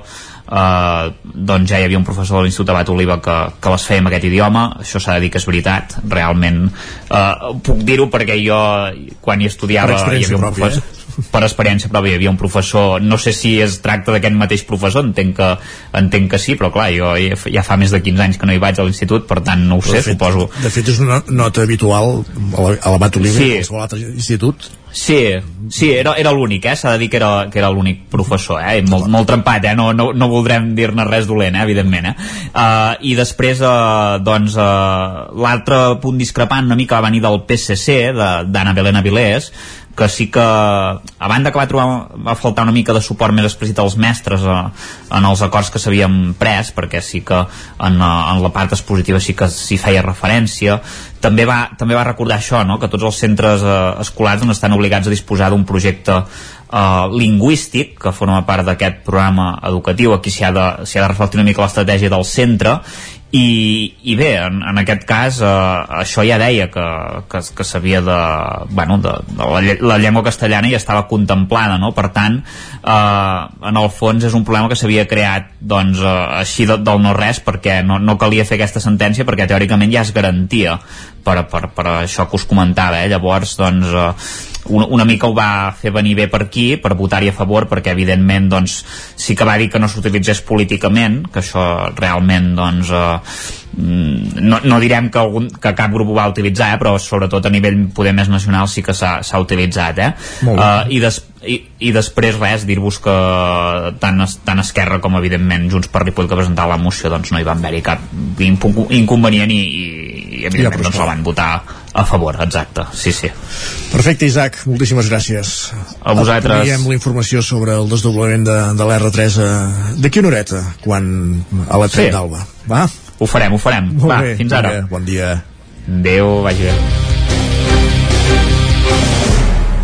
I de la taula de la redacció, de la taula de redacció anirem cap a la plaça. Territori, Territori 17. 17. Territori 17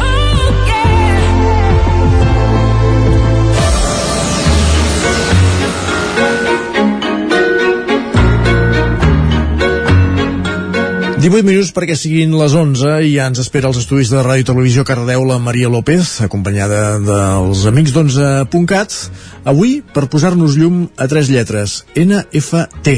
Tot seguit ens explicaran què volen dir aquestes sigles. Maria, bon dia quan vulguis. Bon dia i benvinguts un dijous més a la plaça. Aquest espai compartit on intentem aterrar alguns conceptes de la nova economia per fer-los comprensibles per tothom. I una de les coses que ens encanta fer aquí a la plaça és aprendre paraules noves. I és que les companyes d'11 ens sorprenen cada setmana amb terminologia financera que anem afegint al nostre diccionari particular. I en aquesta línia avui portem un concepte d'aquells que segur que heu anat sentint a les notícies o per internet i que no sabeu molt bé si són les sigles d'una nova organització mundial d'alguna cosa o un virus que et vol atacar l'ordinador. Parlem de les NFT, un concepte que en qüestió d'uns anys segur que estarà completament a l'ordre del dia, però que de moment ens ajudarà a comprendre la Gemma Vallet, directora de màrqueting d'11.cat, que ens acompanya una setmana més. Bon dia, Gemma. Bon dia, Maria. Moltes gràcies per convidar-me avui perquè tenim un tema uh, supercandente. Eh, perquè Super. com et comentava, és, clar, és super recent, no? Tot aquest tema del, dels NFTs. Sí, sí, Comencem... és, deies que és, de, és, és 2022, no? A 2021, perdona, no? És de 2021, això. És, això és de no fa res quan ha començat a tenir... O sigui, no significa que tecnològicament no fos possible, eh, perquè és un, un tema que ara, quan veiem tota la definició i el concepte, és una de les coses que estava succeint, però diguem-ne aquesta, entre cometes, massificació i consolidació com a temàtica ha passat durant el 2021. Si et sembla, faig la definició per tothom. Totalment, sí. sí. Comencem per aquí i així ja anem, anem obrint fil. Super. Llavors, el, el NFT, com es diu en anglès, o el NFT, com ho pronunciaríem en català, significa un token non-fungible, Uh, vol dir que és una cosa, uh, és un token igual que quan parlàvem de que abans d'arribar a una criptomoneda primer es crea un token, que li, un, un, diguem un objecte no físic o digital que li donem un valor, eh? com que aquí diu una, una fitxa sí? Tècnicament pot contenir qualsevol cosa digital. Doncs llavors, quan parlem d'un NFT, estem parlant tant incloure dibuixos com gifs animants, com cançons, com elements de videojocs. I el que ens permet un NFT és comprar i vendre la propietat d'articles digitals. Llavors, aquest és, diguem la principal funció que té l'NFT està ajudant a tota la, la part artística digital a entrar en un nou col·leccionisme. No? Llavors, el que també hem de tenir molt clar que el blockchain, el blockchain és la tecnologia que ha permès uh, la creació del, dels NFTs i un NFT també és alhora és una, una forma de protegir el copyright dels artistes que treballen la seva obra digital perquè si no ens trobaríem que l'obra digital és, és molt sensible de ser clonada i el fet de que estigui en blockchain es permet tenir una certificació digital que protegeix, i protegeix l'obra de l'artista. Per mi aquest és, és un dels aspectes més encantadors i diguem-ne més, eh, com et diria, més rellevants de l'NFT, eh, que estan fent un punt i a part amb tot el que és el col·leccionisme d'art digital. Entrem, doncs, en el món de l'art digital. Catela, si haguéssim de fer la comparativa amb, amb l'art, eh, doncs un llibre, amb, un, amb l'art físic, per dir-ho d'alguna manera, no? fora del món digital, amb un quadre, que, com podríem, quin seria l'equivalent? Podríem dir en música un esgae, per exemple, algú que intenta protegir aquesta, aquesta, diguéssim, protecció, ara no em surt la paraula, eh, però la protecció de l'autoria, la, no? de la prote protecció intel·lectual, per dir-ho d'alguna manera. O quina sí, comparativa la protecció intel·lectual. El, és com quan, per exemple, quan compres art et donen una certificació de l'originalitat d'aquella peça d'art.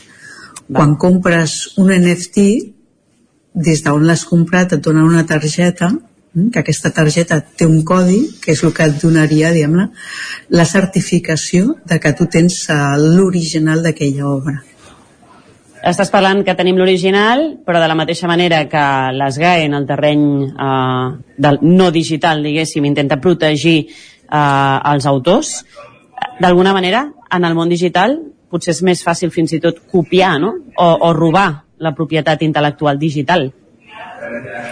Sí, per això va, ha nascut l'NFT, eh? per protegir aquesta, aquesta obra virtual. I per tant, també el que trobarem, igual que existeix gent que és capaç d'entrar a, a un museu del Prado, que, que no ha estat el cas, o amb una gran obra de, una gran galeria i robar, una peça ens podem trobar que dins del món digital tinguem hackers que han robat uh, una, una peça d'art. No? Vam trobar molt al principi també que amb criptomonedes al principi de les criptomonedes els hi va succeir això. No? Llavors sí que podem trobar hackers, però la idea és que la blockchain el que ens està ajudant és a protegir aquestes peces digitals. Déu-n'hi-do, déu nhi déu I d'alguna manera eh, el fet de tenir aquesta propietat eh, suposa que només tu, entenc, pots fer servir potser doncs, a la teva web aquest contingut, no?, per exemple? Sí, és una, és una cosa, és com de col·leccionista, saps? És com si tu compressis una peça d'art, la tindries o per, per gaudir-la tu o per mostrar-la des d'algun punt de vista que vulguis, no? Llavors, és teva. A partir d'aquí pots fer el que vulguis, no? Amb la teva peça d'art i si són obres d'art digital, podríem dir que estem davant d'un nou ecosistema del mercat de l'art? Aquest és el gran punt, uh, Maria. Ens trobem com, per entendre's, igual que quan va haver-hi la disrupció digital dins del món de la música, que, el món, que la indústria de la música va ser la primera indústria que diguem va estar sotmesa en la major transformació digital, que va passar, en recorda, des d'un vinilo fins a arribar a un MP3 fins a arribar a un Spotify, no? Doncs llavors s'ha canviat tot l'ecosistema i per tant s'ha canviat tota la forma de guanyar diners dins d'aquest ecosistema, és un nou mercat. Mm? Llavors, aquí tenim tres fórmules de, tres com a mínim, tres fórmules de comprar eh, amb aquest ecosistema perquè va tot vinculat. O sigui, per una part tenim que pel principi, pel principi eh, cyberpunk amb el qual estem, que estem parlant d'NFTs, que va molt vinculat també al món de les criptos, sí? perquè és una creació d'un token que té un valor, aquí que li donem un valor, llavors per tant hi ha una part que és la, la de descentralització sí? i la desintermediatzació, és a dir, que tenim artistes que estan posant directament a la venda les seves pròpies uh, peces per, diguem-ne, estalviar-se les comissions pròpies que hi han entre els intermediaris. No? Llavors, recentment, just fa una setmana, un, un, una peça d'art que és un gat volador, eh, que és molt simbòlic, bueno, que, que ha tingut uh, bastanta volada dins d'aquest món, doncs es va vendre directament des de l'artista, uh, l'artista ho va vendre directament a dins de la, de la comunitat, no? Llavors va ser un dels, diguem, els primers casos emblemàtics amb, amb els quals un, directament un artista està venent aquesta, una peça. L'altra forma que podem tenir són, per exemple, a partir de galeries no? Llavors ja comencen a haver-hi galeries, de fet va haver-hi una, com t'he comentat, tot això és molt, molt recent, el 2021 va haver-hi un, de, un dels grans events d'art a Miami on ja ten, teníem 231 galeries dedicades a, a, exclusivament a la venda de les de NFTs també tenim, per exemple, les cases de subhastes, no? Llavors, la casa de subhasta també ha entrat, però perquè havia d'entrar, doncs és el cas de l'emblemàtica uh, Christie's, que, que ha d'entrar, o sigui, um, uh, diguem-ne, que fa una, una casa tan emblemàtica com, com la Christie's de, de Londres, doncs senzillament continuar amb aquesta part una mica diferent que ha anat agafant des dels darrers uh, dos últims anys, eh? des de fer uh, subhastes d'instal·lacions hipermodernes fins a vendre un, dino, un tiranosauri rex i últimament està venent eh, ja NFTs, no? Amb el cas d'aquí, no? És a dir, mm, per exemple, doncs què estem venent des, de, des del més a la vora nostra, no? Doncs aquí al, al territori doncs tenim la Casa Durant Subhastes, que recentment ha fet una, una, una subhasta d'un artista que es diu Soliman López, i també tenim dos galeries, que és la Mito Gallery i la Ar Ar Armi. Llavors, només hi ha dues galeries eh, que estan fent això, no? I llavors, si tampoc estan anant, diguem, a grans subhastes, estan començant a vendre a partir dels 14.000, 13.000 euros i clar, quan anem als mercats americans o als mercats de la Cristi ja estem parlant de, de peces que s'estan venent per un milió de dòlars no? llavors és, és, otro, és otro mundo no? és una cosa com molt, molt i que ara està començant a fer ja aquesta bombolla famosa que és que està donant un valor real i que també s'ha d'anar molt de compte que, amb, sobre què estem comprant eh, quan entrem a, a man NFTs. Just anava a preguntar, i ara, ara ho deies una mica, no? el tema preus, perquè potser estem molt acostumats a que obres d'art, un quadre de no sé qui o, o que està no sé on, valgui una milionada. Però a nivell preus és equiparable o encara el que podem comprar a través de NFTs no és tan tan car com el que hi ha en el, en el món palpable, diguéssim? Tenim, molt, és molt semblant que el món de l'art, no? Llavors, quan, quan podem anar, per exemple, a, a, es diu, a esdeveniments com, com Arco, com la Bienal, et trobes art, a, peces d'arts d'artistes, diguem-ne, que comencen, no?, emergents, que poden anar des dels 10.000 euros i de cop i volta, el, a, un any després, pugen als 200.000, estem davant d'una un, mateixa dinàmica. De cop i volta una comunitat, que és d'altres uh, llocs específics amb els quals s'està venent NFTs, que són comunitats només centrades en, en la comercialització d'art digital emergent, doncs et pots, et pots trobar que amb aquesta mateixa comunitat comença una peça que, es, que et surt per 1.000, 2.000 dòlars i de cop i volta t'agafa amb, com fan les seves pròpies subhastes, t'agafa una volada que arriba a, a, a, a amb quantitats molt més uh, alt, elevades, eh, que poden passar-te perfectament dels 10.000 als 100.000, però en qüestió de, de temps. Eh? Llavors és, és un món que, que has d'entendre, eh? quan entres no és, per, no és per tothom entrar als NFTs.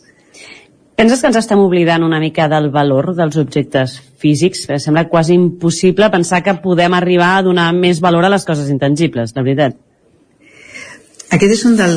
Mm, aquesta pregunta m'encanta perquè és un dels temes, diguem filosòfics que, que ens hem de eh, començar tots a plantejar, no? Des del, estem entrant en, en el món digital i a mi hi ha un filòsof eh, eh, coreà, que de fet mm, és un professor de, de la Universitat de Berlín, que es diu, ha, com es pronuncia, seria Han Byung-shin, uh, i que té un llibre que és, que és de reflexió, és de filosofia, eh? llavors si t'agrada la filosofia totalment recomanat, eh? que es diu que estem en l'era dels no objectes, no?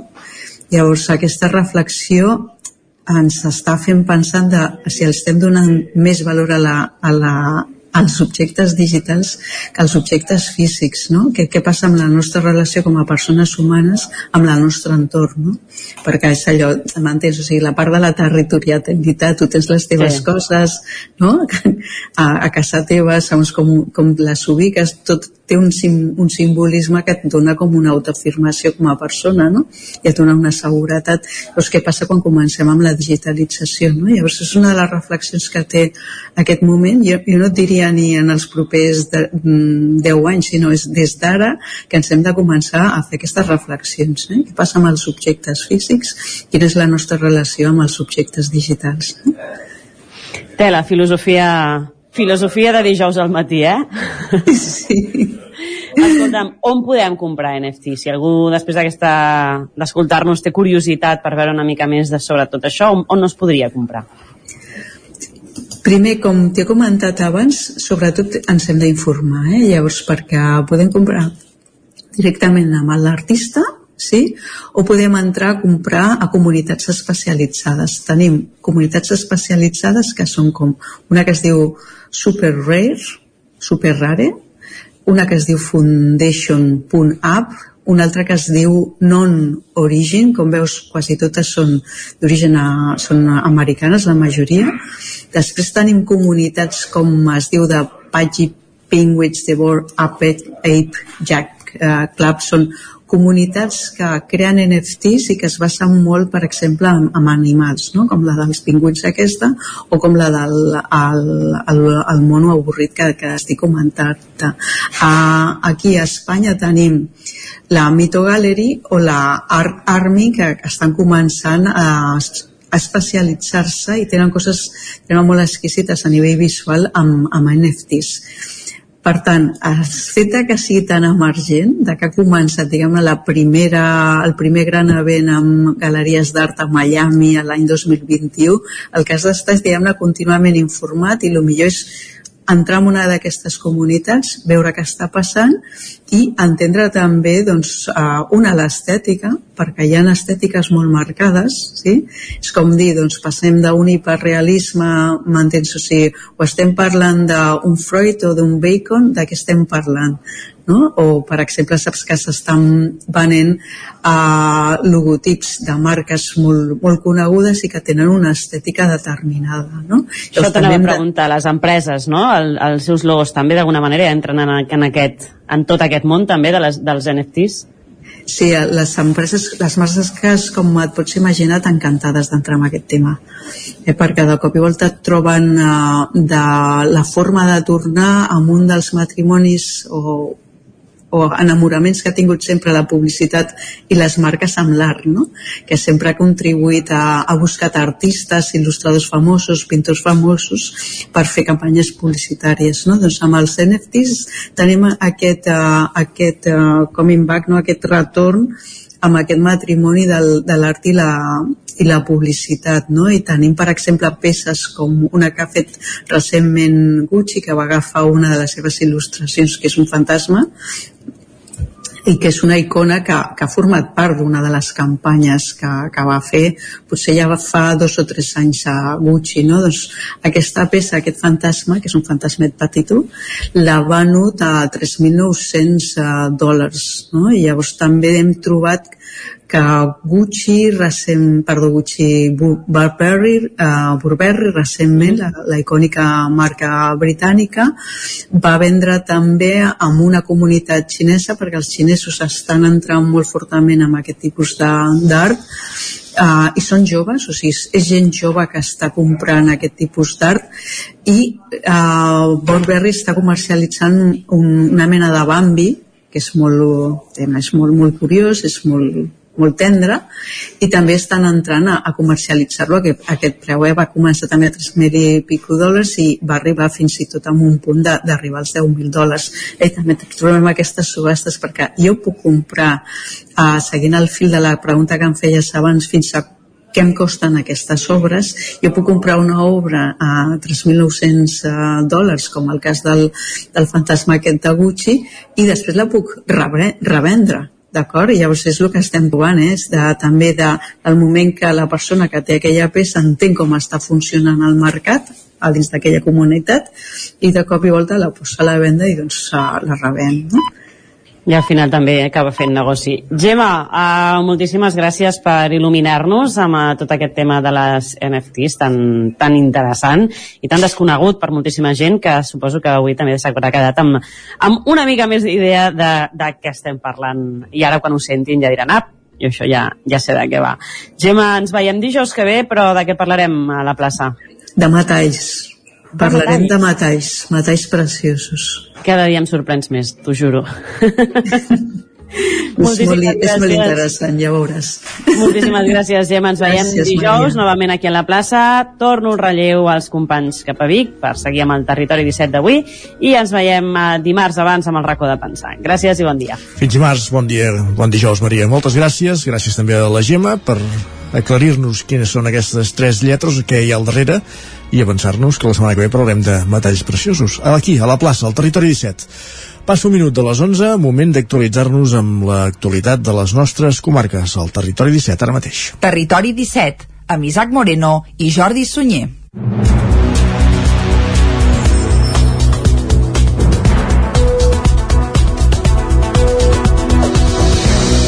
El ple de Manlleu tira endavant l'aprovació inicial del conveni urbanístic dels terrenys de l'antiga caserna de la Guàrdia Civil. Dels 1.352 metres quadrats que ocupa el terreny, 614 són de propietat de l'Ajuntament, que ara hi projecta un equipament públic. Al ple d'aquest dimarts també es va comunicar l'endarreriment de dos mesos de l'inici de la recollida porta a porta. El ple de Manlleu va celebrar aquest dimarts, de nou en format telemàtic, va tirar endavant l'aprovació inicial del conveni urbanístic dels terrenys de l'antiga caserna de la Guàrdia Civil, un punt que va comptar amb l'abstenció dels tres regidors de la CUP i que estableix la divisió horitzontal que s'ha de fer de l'espai. Dels 1.352 metres quadrats que ocupa el terreny, 738 continuaran a mans del Ministeri de l'Interior espanyol. Seran de sol privat i es destinaran a usos residencials lliures. En els 614 metres restants, propietat de l'Ajuntament, s'hi projecta un equipament públic. Àlex Garrido és l'alcalde de Manlleu. L'altra part que queda uh, per l'Ajuntament, queda de sol públic, que és la promesa que sempre havien fet, que allà hi hauria un equipament uh, públic de superfície de 614 metres quadrats, amb el que deia un destí administratiu, cultural, social, de promoció econòmica o d'allotjament uh, dotacional.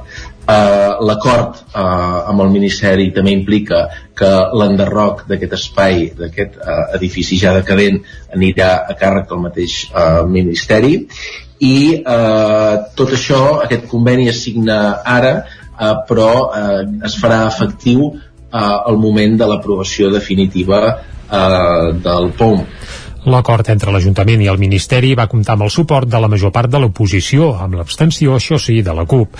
Els anticapitalistes van denunciar el paper que, asseguren, ha tingut durant més de 20 anys l'estat espanyol. Albert Generó és regidor de la CUP. Per part de la CUP eh, entenem perfectament el posicionament de, de l'equip de govern, però trobem tan lamentable i tan denunciable el paper de l'Estat tots aquests anys que, que el vot serà una abstenció a aquest acord per, per, per aquest motiu. On sí que hi va haver unanimitat va ser en l'aprovació de l'atorgament del títol de fill adoptiu de Manlleu a Alexandra Roca i Remolins, una proposta de la Biblioteca Municipal, el Museu del Ter i l'Arxiu Municipal que pretén reconèixer la trajectòria de Roca que a banda d'exercir de jutge de pau entre 1998 i 2006 va estar durant molts anys implicat en múltiples entitats de Manlleu. Al ple d'aquest dimarts també es va comunicar l'endarreriment de dos mesos de l'inici del porta a porta, un sistema de recollida de deixalles que havia de començar a funcionar el mes de febrer i que finalment començarà a caminar a principis de primavera. Tal com s'havia anunciat, les primeres a començar seran les indústries i els comerços. Després de l'estiu, la recollida selectiva porta a porta s'estendrà també als habitatges de Manlleu. I a Sant Joan de les Abadesses, el grup municipal d'Esquerra Republicana de Catalunya creu que és un error el carril bici que s'ha pintat al carrer Ramon Durc. Isaac Muntades, des de la veu de Sant Joan. L'eix cívic o carril bici que s'ha pintat pintat entre la plaça Calabé i l'Institut Escola Mestre Andreu de la Coromina del Bac i que passa pel vell mig del carrer Ramon Durc perquè els nens puguin anar segurs en bicicleta fins al centre educatiu i que està enmarcat dins del pla de mobilitat local, no ha agradat gens al grup municipal d'Esquerra Republicana de Catalunya, tal com explicava el seu portaveu Sergi Albric. És un carril que eh, s'ha implantat per sorpresa tant ciutadana com per la part política d'Esquerra, amb desconeixença i amb, sense consens previ, no? I al final eh, els veïns es van assabentar que seria aquest carril doncs, eh, perquè es van instal·lar un diumenge un senyal que es pintaria un carril davant de la sorpresa dels veïns i que a més a més això implicaria doncs, la pèrdua d'aquesta quarantena d'aparcaments al llarg del carrer amb l'afectació que, amb l'afectació que té doncs, a nivell dels veïns de la dificultat d'aparcar, dels comerços adjacents. L'Adil Republicà va subratllar que les persones més perjudicades seran la gent gran o aquelles que tinguin mobilitat reduïda, ja que els hi costarà accedir al centre d'atenció primària i a la Fundació Emma. El Bric apuntava que són persones que necessiten aparcar molt a prop d'aquests serveis perquè els hi costa caminar i això serà un impediment accident greu. Esquerra defensa que calia fer un carril bici i que en diversos plens també han demanat que es limiti la velocitat en alguns trams, però que la ubicació no ha estat encertada i ells haguessin apostat per fer-lo al camí de darrere del camp de futbol, al camí ral o a la font dels estudiants. Sobre la possibilitat que els aparcaments perduts al centre del poble es compensin amb els que es faran a les cinc fonts, el BRIC va deixar clar que aquells estaran més pensats per turistes que vinguin a través del Pont Vell i que els del centre del poble són molt importants. Però que els aparcaments del Ramon Durc bàsicament són utilitzats pels veïns del Ramon Durc i dels carrers adjacents, per tant una funcionalitat del dia a dia que res té a veure amb, amb l'aparcament de les cinc fonts i per tant són dos, dues tipologies d'aparcaments diferents eh, i una cosa no es pot barrejar l'altra com, com l'equip de govern en aquest cas doncs, eh, ha plantejat amb qui li hagi anat dubtes eh, respecte al, al traçat del, del Ramon Dur. Els republicans també apunten que aquesta acció ha generat canvis rellevants en la senyalització. I Caldes de Montbui recupera el Consell d'Infants després de dos anys aturat per la pandèmia. Jordi Givert, des d'Ona Codinenca. La onzena edició del Consell d'Infants es torna a reunir aquest curs 2021-2022 després de l'aturada provocada per la pandèmia. Aquesta setmana s'ha celebrat la primera sessió de treball a la sala de plens de l'Ajuntament de la Vila Termal. La reunió ha comptat amb la participació de 19 infants del cicle superior dels centres educatius de Caldes de Montbui, el regidor de Participació Ciutadana, Jordi Martín, i la participació telemàtica de la representant de Caldes de Montbui al Consell Nacional de la Infància i Adolescència, Laia Ferràs. Durant la primera sessió s'han traslladat als consellers i conselleres la pregunta que ha de servir de fil conductor durant el curs. Quines propostes tenen per fer de Caldes de Montbui un poble millor per totes les persones que hi viuen? Aquesta pregunta és la mateixa que han de traslladar a les seves respectives classes per recollir les diverses respostes. A partir d'aquí, durant les properes setmanes, s'han de treballar i debatre fins a acabar prioritzant com a màxim dues propostes de totes les que hagin sortit per cada grup. Un cop fet aquest treball intern dins de les escoles, durant les properes sessions el Consell d'Infants enviarà a l'Ajuntament la llista per tal d'analitzar-les i veure quines de les propostes que han fet poden tenir una incidència real en el municipi. En total, entre el gener i el maig, es celebraran cinc reunions del Consell d'Infants. Gràcies, Jordi. Sant Antoni de Vilamajor comença a celebrar el bicentenari de la creació del primer Ajuntament de la Vilanova de Vilamajor. La data concreta remunta el 29 de desembre de 1822. Núria Lázaro, des de Ràdio Televisió Cardedeu. Sant Antoni de Vilamajor ha encetat la celebració dels actes que es portaran a terme durant aquest any 2022 en el marc de la celebració del bicentenari de la creació del primer Ajuntament l'Ajuntament de Vilanova de Vilamajor. El taló es va aixecar de manera oficial aquesta passada festa major d'hivern en parlaments de l'alcalde Raül Valentín i de l'historiador Jordi Nogués, adscrit a l'àrea de cultura del consistori Vilamajorí. L'acte es va completar amb una sortida medieval pel nucli urbà per descobrir els racons i curiositats del passat històric del municipi. L'origen de la commemoració és en concret el 29 de desembre de 1822 i que remunta amb la instauració de la Constitució de 1812. Aquest document, de caràcter liberal, políticament parlant, posava les bases per a la creació de nous ajuntaments tant en els pobles de més de 1.000 habitants. Aquest document també estableix aquesta possibilitat per als pobles que no assolien aquesta xifra, sempre que hi hagués uns motius objectius que justifiquessin. En aquest marc polític general, el dia 1 de desembre de l'any 1821, una comissió de representants de la Vilanova de Vilamajor va presentar un document de greuges a la seu de la Diputació Provincial.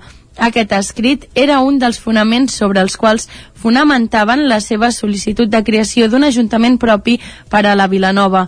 Tenint en compte aquests fets, la Diputació va aprovar la instauració del primer consistori oficial del municipi. Aquesta s'hauria de fer efectiva el dia 1 de gener de 1823. Gràcies, també Núria, de Sant Antoni de Vilamajor. Passem, anem cap a Torelló, on els carrossaires valoren positivament la decisió de les entitats organitzadores del Carnaval de Terra Endins d'ajornar un mes la festa.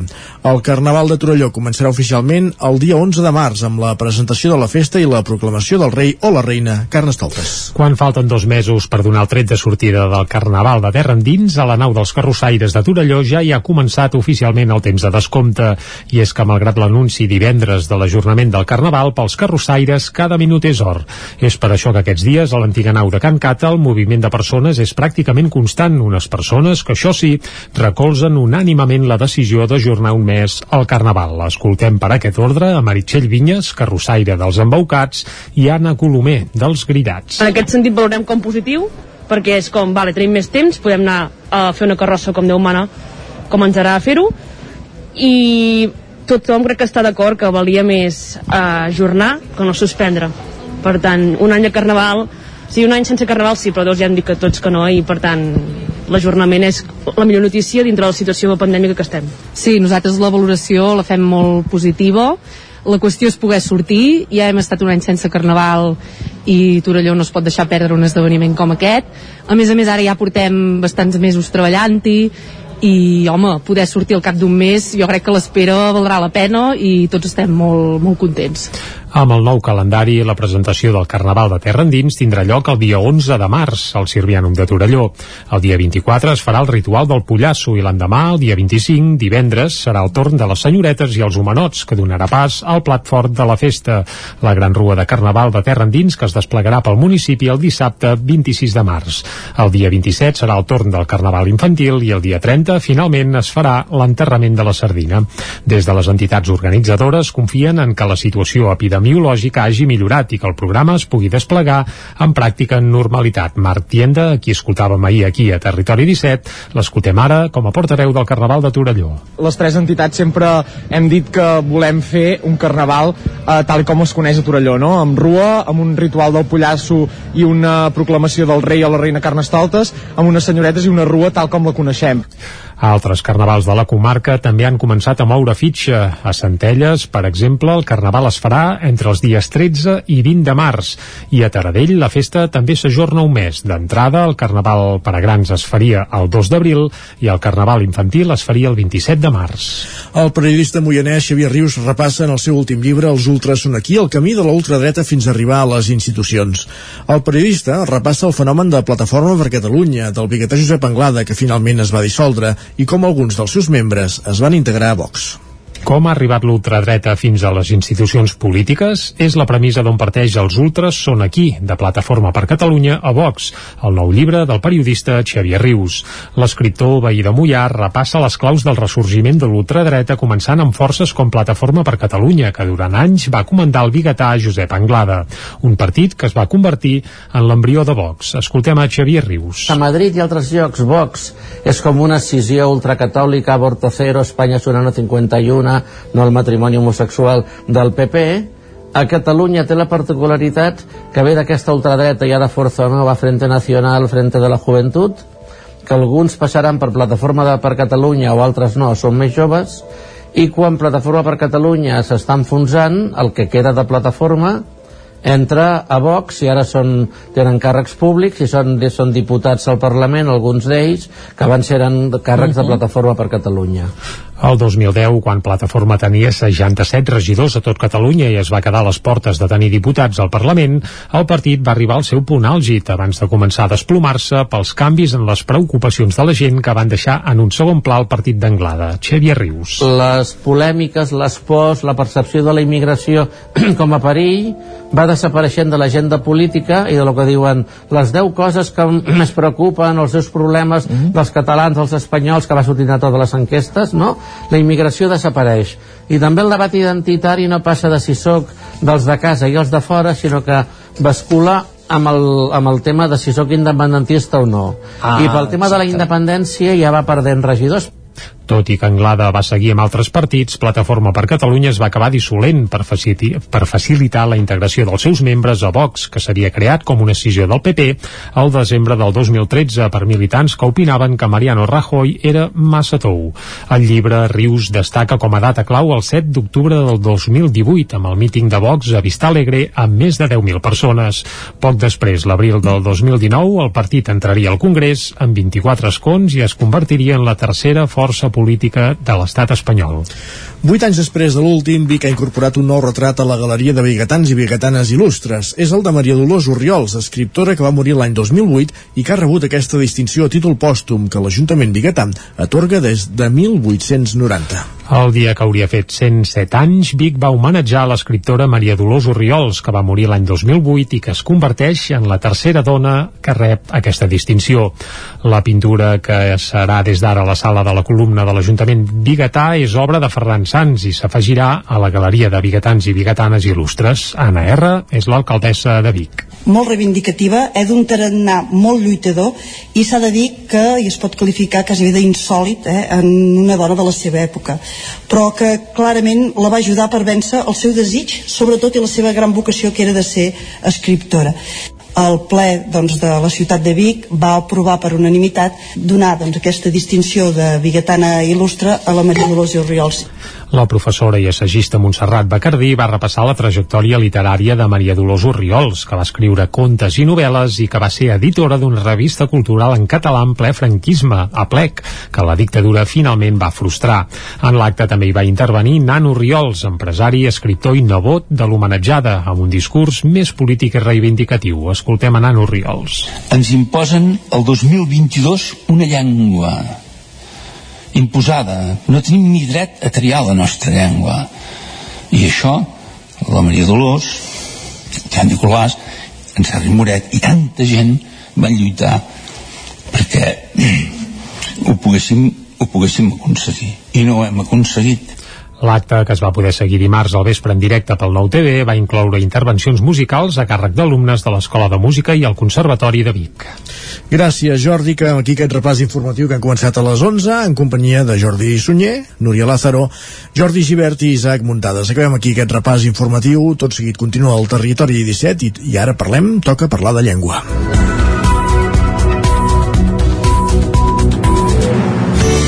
Territori 17. Envia'ns les teves notes de veu per WhatsApp al 646 079 023. 646 079 023. WhatsApp Territori 17.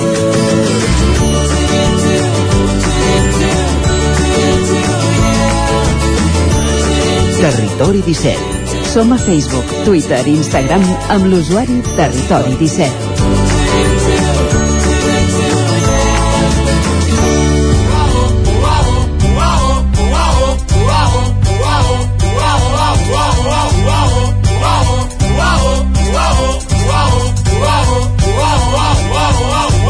Sobren paraules. Me sobren paraules, diu en, en el cantant d'Antònia Font, en Pau de, Joan Pau de Bon, amb aquesta lletra que ens fa de sintonia cada dijous, cada 15 dies, amb la Cristina Enfruns. No sé si és que ens en sobren o que n'hem d'incorporar de les que ja hem perdut i n'hem de corregir algunes, més aviat, no? Cada dia en van sortint. Molt bé.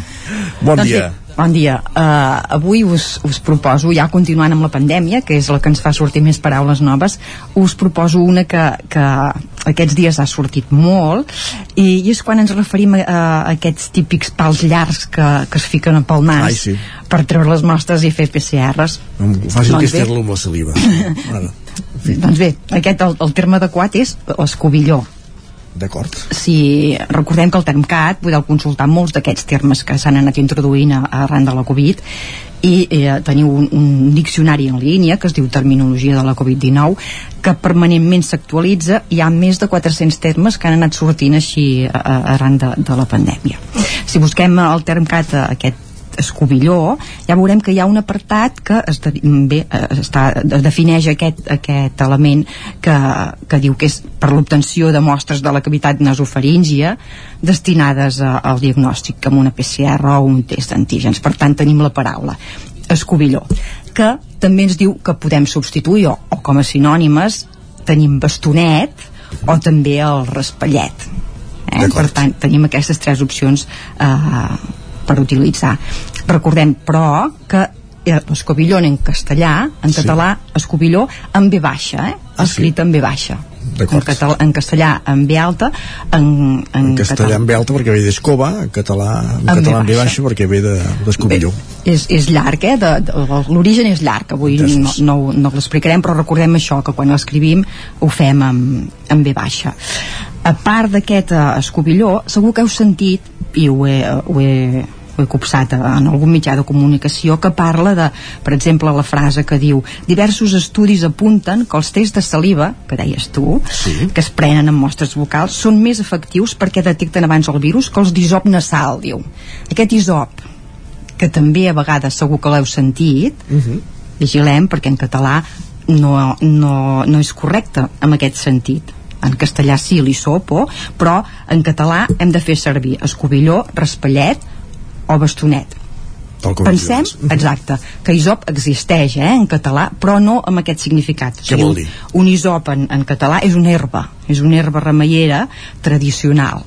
o també és el que en diuen un salpasser no sé si n'has sentit a parlar, eh? aquest estri que, que es fa servir en algunes cerimònies eh, religioses allò que es passa així doncs aquest, aquest terme serviria per això però l'isop i sopa en castellà no, no, No el podem fer servir eh? per tant vigilem eh, No és l'escobilló. no és l'escobilló tenim altres alternatives, eh? veieu l'escobilló el raspallet o el bastonet quan ens vulguem fer una PCR que sembla que ara s'ha calmat una miqueta però que el fem servir Exacte. força, eh? Molt bé, sí, sí.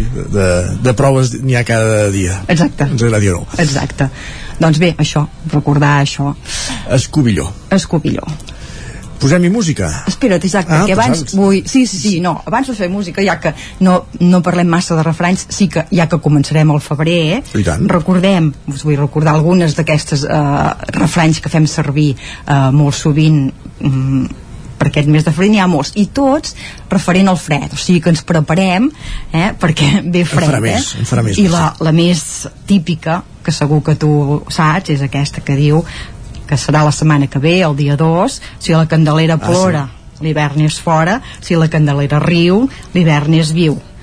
Tant si plora com si riu l'hivern és viu. Per tant, pensem que de fred encara ens en queda, eh? I més aviat la Candelera en aquest cas eh, riurà, no? Perquè... De moment sembla que sí, eh? Perquè El pronòstic és aquest. d'aigua en veiem poca a l'horitzó. Sí, sí, sí. Pronostiquen que sí, que la setmana que ve encara que farà, encara ens farà bo. Molt bé. Ara, Ara sí, sí. doncs, posem-hi música. Ens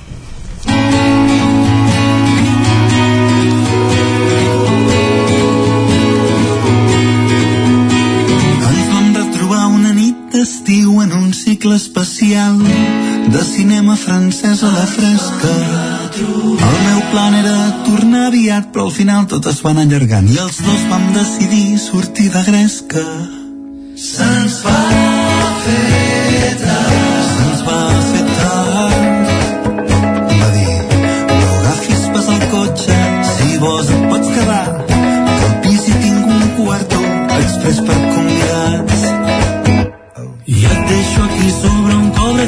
llit, perquè ara no, però després pot rascar. Ja veuràs. Si tens gana, vols aigua, tu mateix pots fer, pots fer com si fossis a casa. La manera com va dir bona nit i va picar l'ullet era fàcilment malinterpretable. Vaig augurar una nit per la posteritat, fer un 5, fer un 8.000, fer quelcom. Difícilment igualable. Doncs avui ens portes aquesta cançó dels Amics de les Arts, del seu primer disc, mm. Jan Luc, però una nova adaptació, una nova versió que interpreten conjuntament amb Pablo López. Ah, exacte, pensareu, ostres, aquesta cançó és de, del 2010, em sembla. Però bé, ara per la marató que van Els fer... clàssics sempre són vigents, no pateixis. Sí, no, i aquesta està molt bé. Però bé, doncs, per, per eh, reivindicar aquesta cançó, eh, aquest, per la marató aquesta que va mm, d'ara al desembre, uh -huh. van voler eh, fer-la, tornar-la a reversionar amb la col·laboració d'aquest mm, Pablo López. I per tant, doncs, els va sortir aquesta versió que està molt bé. Sí. Bé, doncs, anem per feina. Anem per feina i comencem. Sona, a- sona més dinàmica, si més no. Què n'hem de dir d'aquesta sí, sí, lletra? Sí. Va. Va, doncs vinga, som-hi. Uh, comencem per, per la frase quan diu al final tot es va allargant i els dos vam decidir sortir de Gresca, una expressió que a vegades fem servir molt, aquest, Tots els dos, dos, no? Seria. eh? sempre ens hem de dir tots dos, eh? hem d'evitar aquests, els, les... Uh, I aquí no hi hauria, aquí no hi hauria problema, no? Diguéssim, no hi hauria cap problema, podríem dir al final Sil·làbic. tot es van allargant i tots dos i no, no hi hauria Allargar, bueno, clar, enganxa les, enganxa les dues vocals. no, jo crec que es podria fer eh? es podria fer el que passa que és una expressió que sí que la fem servir sí, sí. molt sovint una altra per exemple, també ens surt moltes vegades aquest el meu plan sí. i tampoc costaria gaire eh? en aquest cas podríem dir el meu pla D'acord. eh? un pla de vida doncs aquí sí que sí no hi que no hi hauria no hi ha tampoc cap problema ara bé, quan diu un altre un quarto Sí, aquesta, aquesta, quan l'he sentit, Aquest dic, va ja- per aquí això avui. doncs bé, aquí, eh, un quarto express Per convidats. aquí sí que seria una mica més difícil habitació on, sí, podria fer servir alguna altra cosa habitació sí que no, no ser, mm, potser no aniria massa bé un eh? llit després per convidats bueno, en fi. I, i llavors aquest eh, per convidats també vigilem eh? com que és el beneficiari hauria de ser per a convidats eh? hauria de sonar aquesta aquesta mm, preposició ja filem Ah, primer mm? una alguna cosa de lèxit també el post de, de pronúncia més que tot un pòster sí. en català recordem pòster eh? És la meva oberta i Pòster un- d'en Godard exacte, doncs un pòster eh? Uh, fem-la amb, amb, amb oberta i un plano seqüència un pla seqüència això és sí molt fàcil sí també no té- poder-la poder-la Fer bé. canviar, no? poder-la fer bé Molt Què bé. et sembla? Em sembla perfecte haver analitzat aquesta cançó dels Amics de les Arts molt popular i amb aquesta nova versió acompanyats de, Mhm. de Pablo López amb la qual arribem al final de la secció. Vinga, Fins aquí 15 dies. Gràcies, Cristina. A Bon vosaltres, dijous. Bon dia.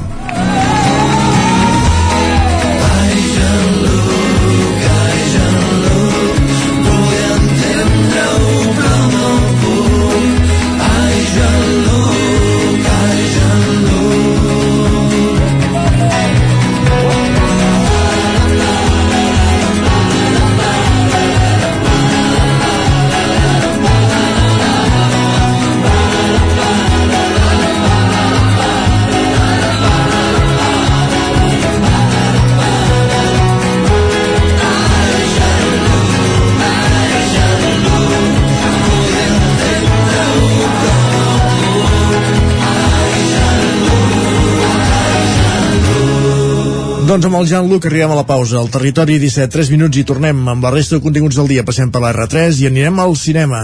Tot des de la veu de Sant Joan, avui dijous. Fins ara mateix. El nou FM, la ràdio de casa, al 92.8. A Catalunya volem fer una economia intel·ligent, digital i emprenedora, que permeti reduir el període mitjà de pagament a proveïdors i situar-lo dins el termini de 30 dies. És l'hora que entre tothom fem la Catalunya que volem. Fem-ho bé, fem-ho tot, fem-ho possible. Generalitat de Catalunya. Mmm, quan fa que no menges pluma ibèrica de Salamanca i xuletilles de lechal a la brasa amb una bona amanida? Oh, i un xuletón de vedella gallega? O lechazo de Castilla al forn? Ah, i botillo del Bierzo amb cachelos i col? Ei, i cochinillo a l'estil de Segòvia, i tot acompanyat d'un bon celler. Oh, i uns bons serranitos de pollastre, de llom, d'hamburguesa, del que tu vulguis. Per menjar la millor cuina de Lleó sense moure't de casa, vine a El Racó de León. Fem cuina tradicional lleonesa i de mercat. Vine amb la família, amb els amics, amb la parella o sol. T'encantarà. El racó de León. Som al carrer Torelló 35 de Vic. Reserves 93 889 1950. Tanquem els dimarts. El racó de León. Vine a tastar una cuina diferent. Cobertes serveis funeraris. Els nostres tanatoris estan ubicats en els nuclis urbans més poblats de la comarca d'Osona per oferir un millor servei. Tanatori de Vic, Tanatori de Manlleu, Tanatori de Centelles i Tanatori de Roda de Ter. Sabem que són moments difícils i per això el nostre compromís és atendre-us en tot moment amb un tracte humà, sensible i respectuós. Cobertes serveis funeraris. Telèfon 24 hores 93 883 23 46. A la rostisseria El Plat ens agrada la cuina de sempre, la de les àvies i de les mares. La cuina feta amb paciència com s'ha fet tota la vida. Vine a provar els nostres canelons gruixuts o els croquetons, les nostres croquetes de 80 grams i recupera el gust del pollastre a l'as com els que es menjaven abans. Ah, i aprofita, fins a finals de febrer, 20% de descompte en els canelons i el pollastre. Rostisseria El Plat, encàrrecs fins a les 12 del migdia i servei a domicili. Ens trobaràs de dijous a diumenge al carrer Església número 6 de Taradell o al 93 135 58 85. La ràdio de casa al 92.8. El 9 FM. Cocodril Club. Si t'agrada la bona música dels anys 60, 70 i 80, escolta el 9 FM als matins de dissabtes i diumenges d'11 a 1. És el temps del Cocodril Club, tot un clàssic de la ràdio, amb les bases del pop-rock, les llegendes, les cançons que s'han convertit en autèntics himnes. Recorda, dissabtes i diumenges al matí, d'11 a 1, al 9 FM 92.8. Cocodril Club, el programa revival de l'Albert Malla. Hasta luego, cocodrilo. El 9 FM. El 9 FM. El 9 FM. Territori 17 A Tren d'Alba. Cada dia els usuaris de la línia R3 de Rodalies que veuen sortir el sol des d'un vagó ens expliquen les gràcies i les penes del primer comboi que uneix Ripoll i Barcelona. Benvinguts a Tren d'Alba. Avui no puc donar-vos millors notícies i és que DIF ha adjudicat el desdoblament de la línia R3 entre Parets i la Garriga, unes obres que tindran un cost de 63 milions d'euros i que s'allargaran més de dos anys i obligaran a tallar el servei durant els estius de 2023 i 2024. Evidentment, ara ja s'ha obert una via i els alcaldes i la Generalitat ja demanen que s'accelerin també els tràmits per desdoblar la via entre la resta de trams. Aquest desdoblament permetrà augmentar el servei de l'R3 amb un tren més per hora i sentit, a més de reduir el temps de viatge. El desdoblament es farà en el tram de 17 quilòmetres que hi ha entre les dues poblacions esmentades, passant per Montmeló, Granollers, Canovelles i les Franqueses del Vallès. A més, es farà la plataforma de la nova via i s'hi hauran de construir nou viaductes, set passos superiors i nou d'inferiors. Adif ha encarregat les obres per construir aquesta segona via a la Unió Temporal d'Empreses formada per FCC Construcción i Comsa. Costaran més de 55 milions d'euros, als quals s'hi han de sumar els materials que portarà Adif i que estan valorats en més de 8 milions. Va, demà us explicaré la segona part d'aquesta obra. Seguirem explicant-vos més històries del tren i de la R3.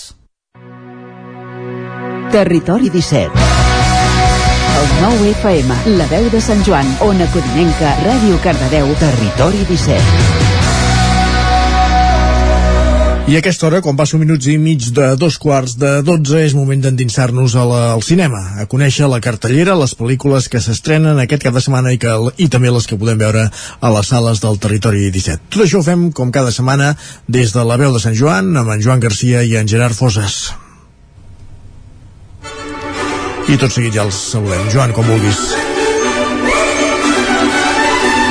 I com cada setmana amb aquesta sintonia és moment de donar la benvinguda amb el nostre col·laborador, el nostre crític cinematogràfic, en Gerard Fosses. Hola Gerard. Hola, què tal? Bon dia. Bé, com estàs tu? Doncs molt bé, molt bé, anem fent. Mm. Tranquilitat, passant fred, aquestes coses. Mm. Recordes aquella broma que feien de petits, que li demanaves amb alguna noia com estàs i quan et contestava ja deies no, no era cap pregunta? He estat a punt de fer-te. Ostres, uh, no, no recordo haver-la fet aquesta. Potser és de, de, de generació prèvia. És de, de, sí, que tenia més mal gust. Sí. Uh, bé, en tot cas... Havies de fer allò d'aixecar la cella, no, també? Per... sí, sí, sí. Vale, vale. I, I funcionava, eh? La reacció també sempre era molt bona. Sí, segur. Sí, sí, sí. Uh, en tot cas no hem vingut a parlar d'aquestes ximpleries sinó de cinema que a, vegades, que a vegades ja ho té, que també és ximple però em sembla que el d'avui no del tot No, l'avui no és el cas, però sí que ens la transportem una mica a la infància en aquest cas a la infància de, de Kenneth Branagh, eh, actor i director i dramaturg eh, britànic, mm -hmm. eh, que ens porta cap a, cap a la seva infància, no? una mica en la línia, com havia fet Alfonso Cuarón en Roma, com va fer Pablo Sorrentino amb, amb Fue la mano de Dios, que la tenim a Netflix, i en aquest cas Kenneth Branagh, Kenneth Branagh perdó, que ho fa amb Belfast. Todos tenemos nuestra propia historia.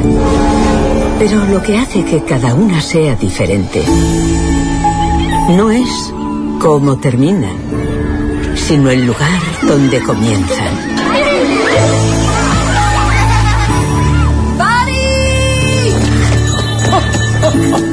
¡Santo Dios! Mi madre dice que si nos vamos a Inglaterra, no nos entenderán al hablar. Si no pueden entenderte, es porque no te escuchan. Tú sabes quién eres, ¿verdad? Eres Buddy de Belfast, donde todos te conocen. I ens n'hem anat al Belfast de 1969 Mm. Perdó?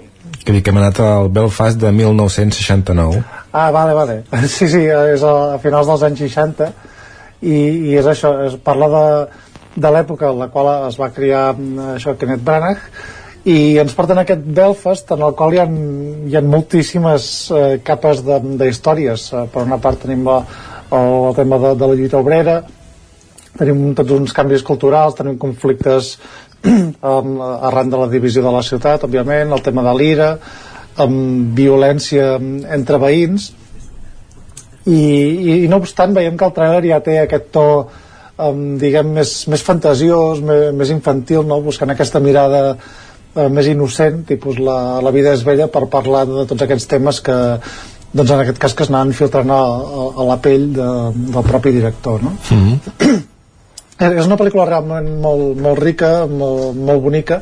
Uh, música de Van Morrison, per cert, que, que s'ha animat a fer una, una banda sonora. i clar, estem en, en aquesta tendència d'aquest cinema preciosista parlant de, de temes socials d'un moment i un lloc molt, molt particulars i, i és això, és això una pel·lícula molt, molt bonica, molt, molt emocionant eh, i alhora una mica tramposa no? segurament per aquesta mirada sentimental que fa que, que, que sigui més, uh, més idealitzada que no pas uh, realista amb tots els temes que, que tracta no?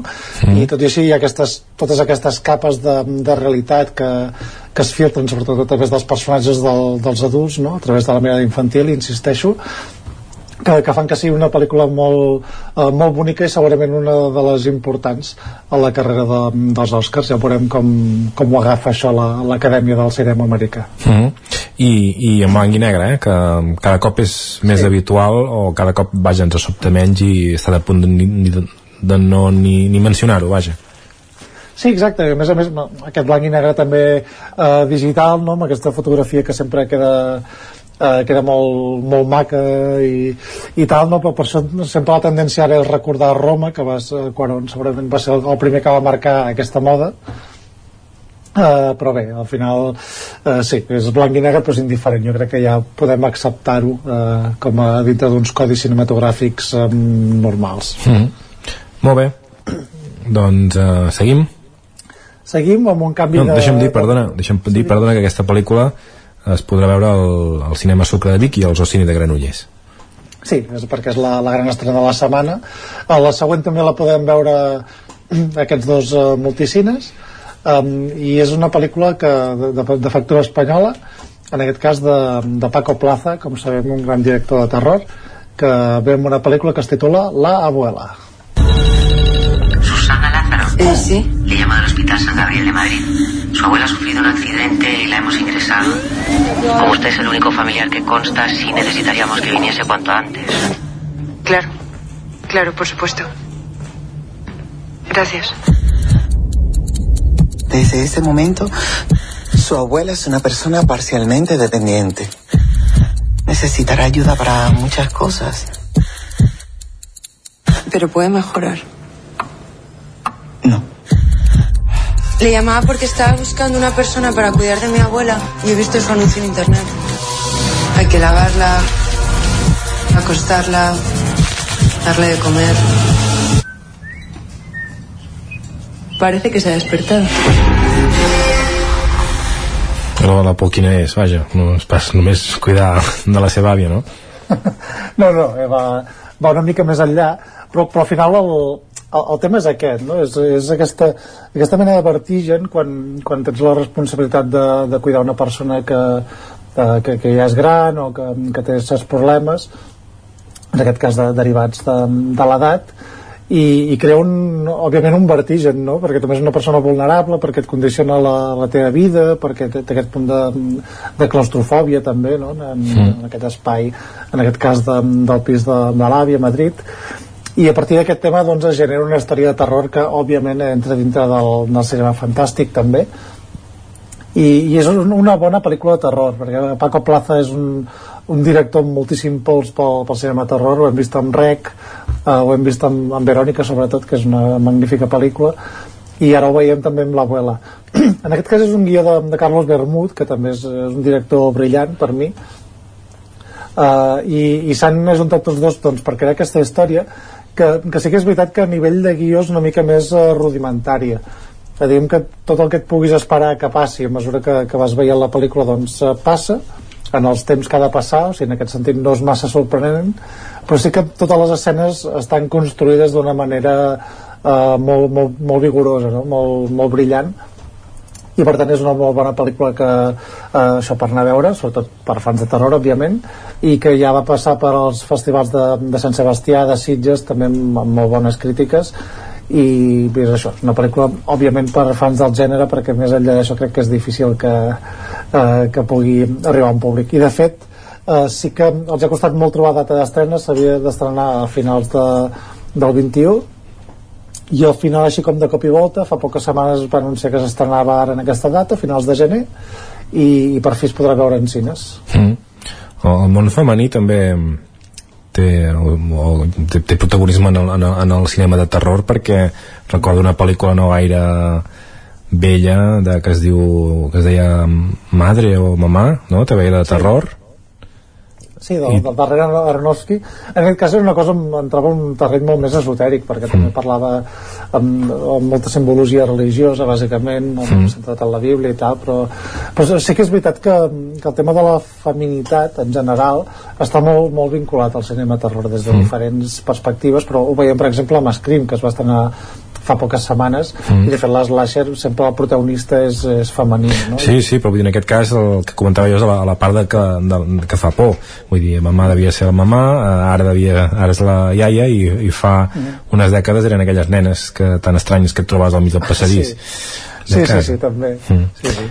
Res, en tot cas sí, eh, a més, a més és un tema òbviament molt lligat a, al terror que és, que és la bruixeria mm. que, que no, no és que hi entri aquí directament però bé, hi ha, hi ha les seves connexions. La, la mitologia és molt poc clara i això és el que fa el, la fa interessant i misteriosa també mm. aquesta pel·lícula molt bé, doncs pel·lícula que també podrem veure tant al cinema Sucre de Vic com al cine de Granollers mm. i la següent només a l'Ocine de Granollers Sí, és una pel·lícula que, que ve de França mm -hmm ¿Vale? no, no, está bien, está bien. Es una película que se titula Un muelle en Normandía. Estoy harta de oír hablar sobre la crisis, el paro o la precariedad de forma abstracta. Necesito ver y compartir el día a día, ver qué pasa realmente. ¿Es usted la sustituta? Espero que lo haga mejor que la anterior.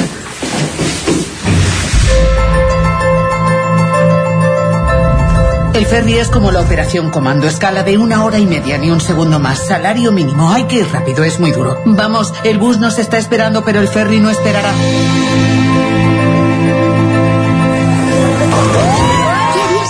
La lotería? Me compraría un par de tapas de 300 pavos y me haría un tatuaje.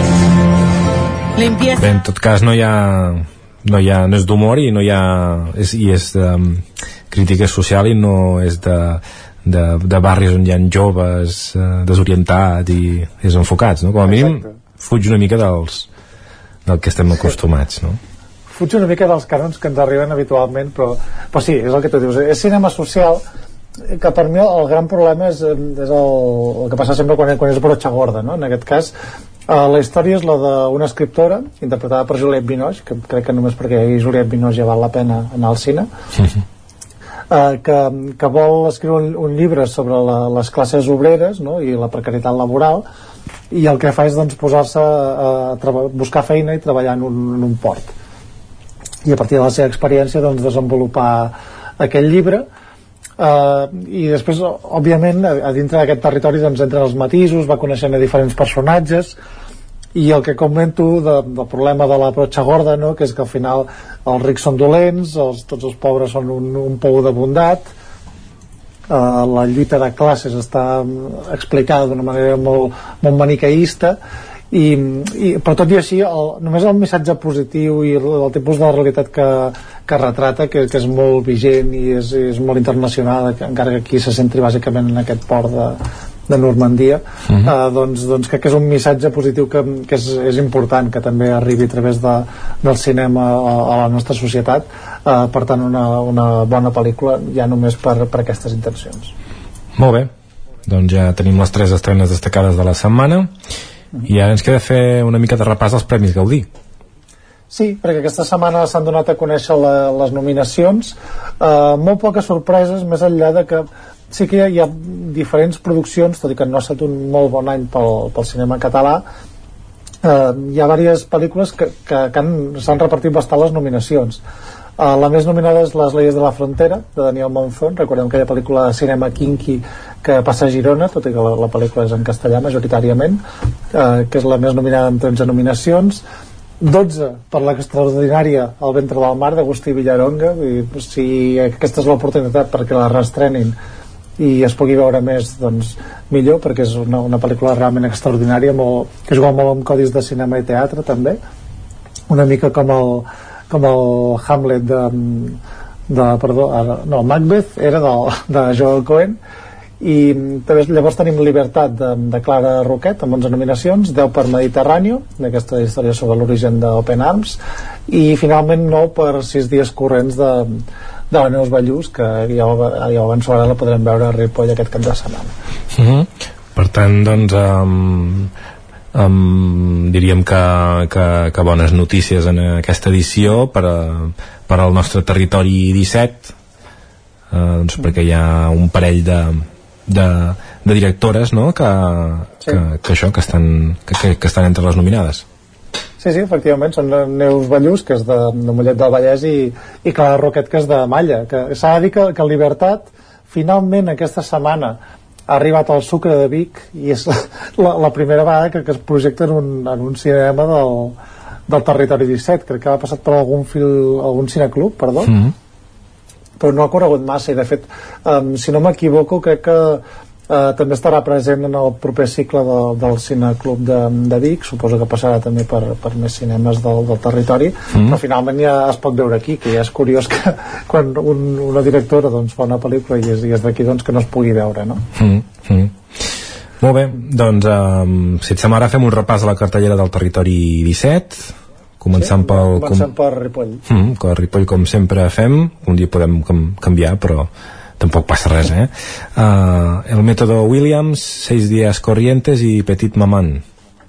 Sí, el mètode Williams, ja en vam parlar la setmana passada, aquesta pel·lícula sobre el pare de, de les germanes Williams, que dues de les millors tenistes de, de la història. Sis dies corrents de la Neus Ballús, bona oportunitat per, per anar-la a veure. I Petit Maman, dintre del, del cinema del cineclub Pàric, eh, que és uh, pel·lícula que també ve de França i aquesta sí que és realment preciosa, extraordinària pel·lícula de, de Celine Sciamma que se'n va parlar molt l'any passat arran de, de Retrato d'una mujer en llames uh, una història sobre l'amistat entre dues nenes petites que, que realment és, és preciosa. No, prefereixo no parlar-ne gaire perquè és d'aquelles que eh, és molt bonic anar-la a veure i deixar-se portar i a més a més és curta, són 72 minuts eh, que això també és un premi per, per l'espectador acostumat a pel·lícules de, de dues hores i mitja mm -hmm. Molt bé, seguim eh, al Cinema Catalunya de Ribes, Cuba i Zaida Sí, ja en, en vam parlar la setmana passada també, perquè ara no me'n recordo quin cinema també del territori que, que la feien, aquesta pel·lícula sobre el, el conflicte de, dels Balcans, eh, molt dura realment, però també molt, molt necessària. Tres pisos, les podeu veure al Casal Camprodoní.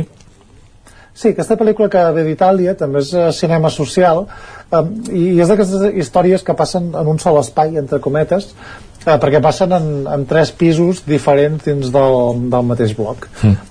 I bàsicament parla de personatges de, de diferents edats, bueno, un matrimoni jove, una persona gran, etc. Uh, i són la, la, aquestes històries de la vida quotidiana que, que es veuen en diferents pisos. També és una pel·lícula molt, molt emotiva i crec que és una bona oportunitat per veure-la perquè no, no ha corregut gens. Mm. Um, aquesta ja te la dic jo perquè segurament no, no, no la no la tens controlada perquè a Sant Joan no tenim cinema, per tant segurament no l'has no revisat, però sí que aquest divendres també a Sant Joan al Centre Cívic es projecta 3.000 nits de Mai Masri eh, dintre de cinema d'acció social, drets de les dones de, del, territori del territori gollut i eh, hi haurà un, la projecció i també hi haurà un cinefòrum amb Txell Bregolat, directora de la mostra de cinema àrab i, i mediterrani aquesta te la xivo jo doncs uh, fantàstica oferta doncs també. i seguim amb l'esbarjo de Cardedeu que hi ha La tierra de los hijos. Sí, aquesta pel·lícula va passar massa sense pena ni glòria pel, pel Festival de Sitges. Eh, es va estrenar allà de fet Um, I és una pel·lícula que, que, ens, que ens situa en un, en un futur post-apocalíptic, no? centrada en, el, en la fi de la civilització. Uh, I és interessant perquè uh, reflexiona sobre la, la condició humana en aquest, cas, en aquest cas és un pare que, que cria el seu fill perquè sigui salvatge, sigui el menys humà possible a dintre dels termes que entenem en un, en un món civilitzat no? en el món també capitalista òbviament i, i és interessant eh, aquest moviment que fan per, per una terra ja destruïda i com uh, la humanitat pot reneixer amb uns codis completament diferents no? és, és una pel·lícula no, no especial, o sigui, no molt lúcida però sí bastant interessant que, que a més a més passa bé tot i les seves uh, dues hores i, i, és, i a més parla d'un tema molt actual ara que sembla que sempre estiguem a, a l'abisme i a la fi del món ja sigui per Covid o per a les portes de la tercera guerra mundial que s'ha mencionat mil vegades i és això, i a més és bastant visionari perquè està basada en una novel·la gràfica de, de fa uns quants anyets. Molt bé. I per últim, semblava que no podia ser possible, però encara, doncs una setmana més podrem veure pan de limón con semillas de amapola, en aquest cas al Casal de Gràcia de Manlleu. Sí, eh, m'imagino una persona que fa el tour per tota la C-17 per anar veient cada setmana pan de limón a un cinema diferent. Uh, espero que existeixi aquesta persona. Si us plau, truqueu, poseu-vos en contacte amb nosaltres perquè teniu una entrevista o dues. Sí, efectivament. Sí, sí, jo, jo crec que ja és l'última vegada que, que apareix Pan de limón con semillas de Pola en aquesta secció.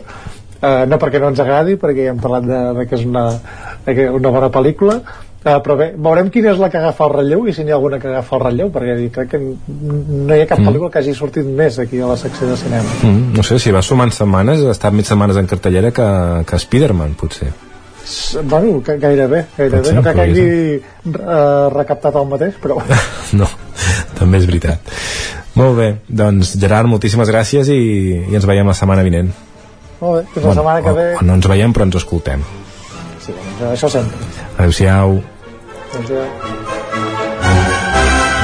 Adéu-siau. Joan, adéu-siau, Gerard. Ja us ho dic jo, ja us ho dic jo, quina és la pel·lícula que prendrà el relleu a Pan de Limón i Consell Milles d'Emapola, perquè aquesta ha sigut la pel·lícula del cicle Gaudí del mes de gener que s'ha projectant a diverses sales de diversos municipis, no només del territori 17, de, sinó de tot Catalunya, són les sales adscrites a aquest cicle de l'Acadèmia del Cinema Català, el cicle Gaudí, doncs la pel·lícula del mes de febrer serà Les Leyes de la Frontera, precisament la que té més nominacions als Premis Gaudí d'aquest 2022. Per tant, prepareu-vos, Joan i Gerard, per anar parlant de Les Leyes de la Frontera de, durant tot el mes de febrer perquè com us deia és la pel·lícula del cicle Gaudí per tant la projectaran molts municipis i moltes sales del territori 17 de fet, i la del mes de març també us la podem avançar, serà la, també una altra de les nominades i que heu comentat en aquest repàs a les nominacions del cicle Gaudí, que és la pel·lícula de la cineasta de Mollet del Vallès, uh, Neus Ballús.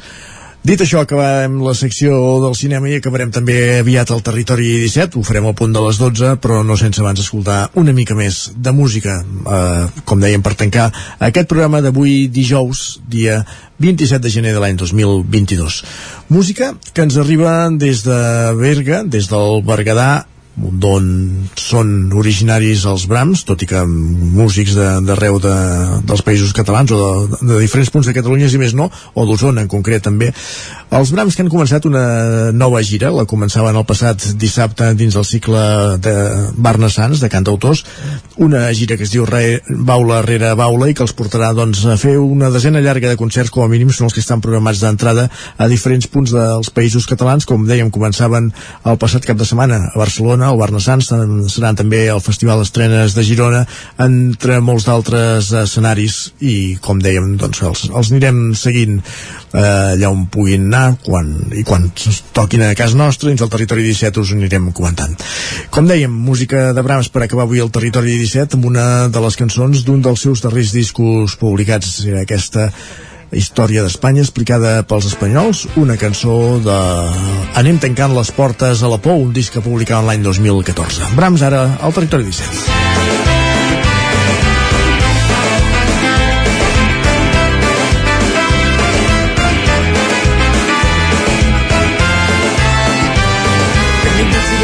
És a la classe magistral de la història d'Espanya oficial que desmentirà les fales i els contes obscens en cas de sonalistes adoctrinen els nens. Gràcies a dos premis Nobel com en Fabra i en Mausà per combatre la mentida finalment arribarà a totes les escoles de cara al curs que ve la història d'Espanya que els nens han de saber.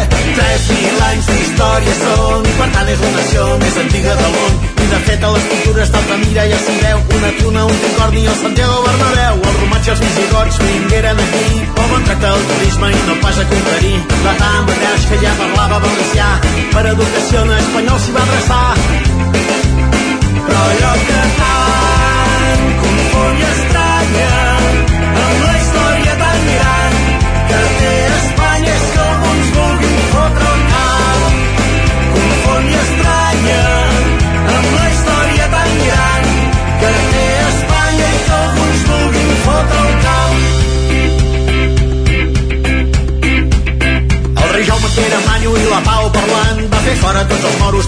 i de Llevant no pas com a reconquesta sinó perquè van venir a robar la feina a la gent d'aquí. Després vam descobrir el continent americà i aquella pobra gent tant es va meravellar que morien a milers de les mines d'or per pagar la catequesi i les classes d'espanyol i així vam ser l'imperi on es nega el sol mai no s'hi pot i si s'ha desfet és perquè no fet ús de la força contra el camí està de gust. Però allò que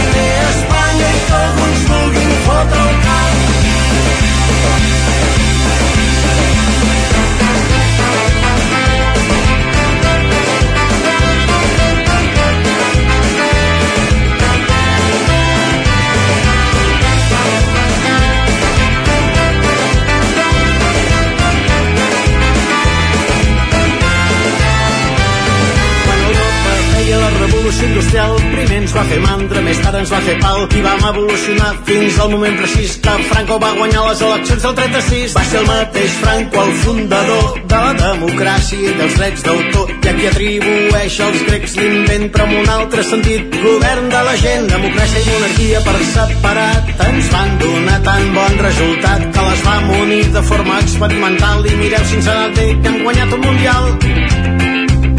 Però allò que tant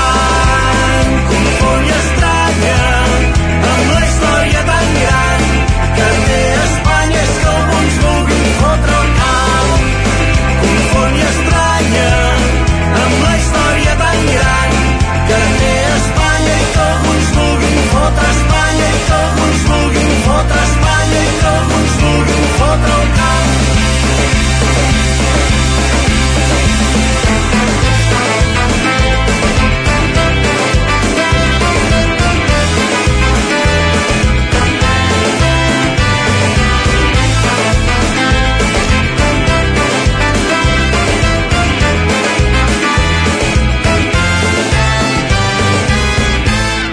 Com dèiem, baula rere baula, la gira de Brahms per aquest 2022, que començava dins el cicle Barna Sants a l'Hospitalet de Llobregat el passat dissabte i que ja té, com dèiem, una desena de dates confirmades eh, fins al mes fins a l'estiu a diversos punts dels països catalans, com poden ser Formentera, Bellreguard, Amposta, Girona el 2 d'abril, on dèiem coincidint amb el Festival d'Estrenes, Manacor, l'Alguer, Balaguer, València, i el 21 de juny a les, a les portes de Sant Joan a la Catalunya del Nord. Veurem, estarem amatents si hi ha noves dates quan aterrin a les comarques del territori 17 en aquesta gira de reaparició d'aquesta banda bergadana, Brahms, que com dèiem aquests, que torna als escenaris aquest 2022 amb aquesta gira baula rere baula i amb ells avui hem volgut acabar el territori 17, el territori 17 que com dèiem arriba ja a la seva fi.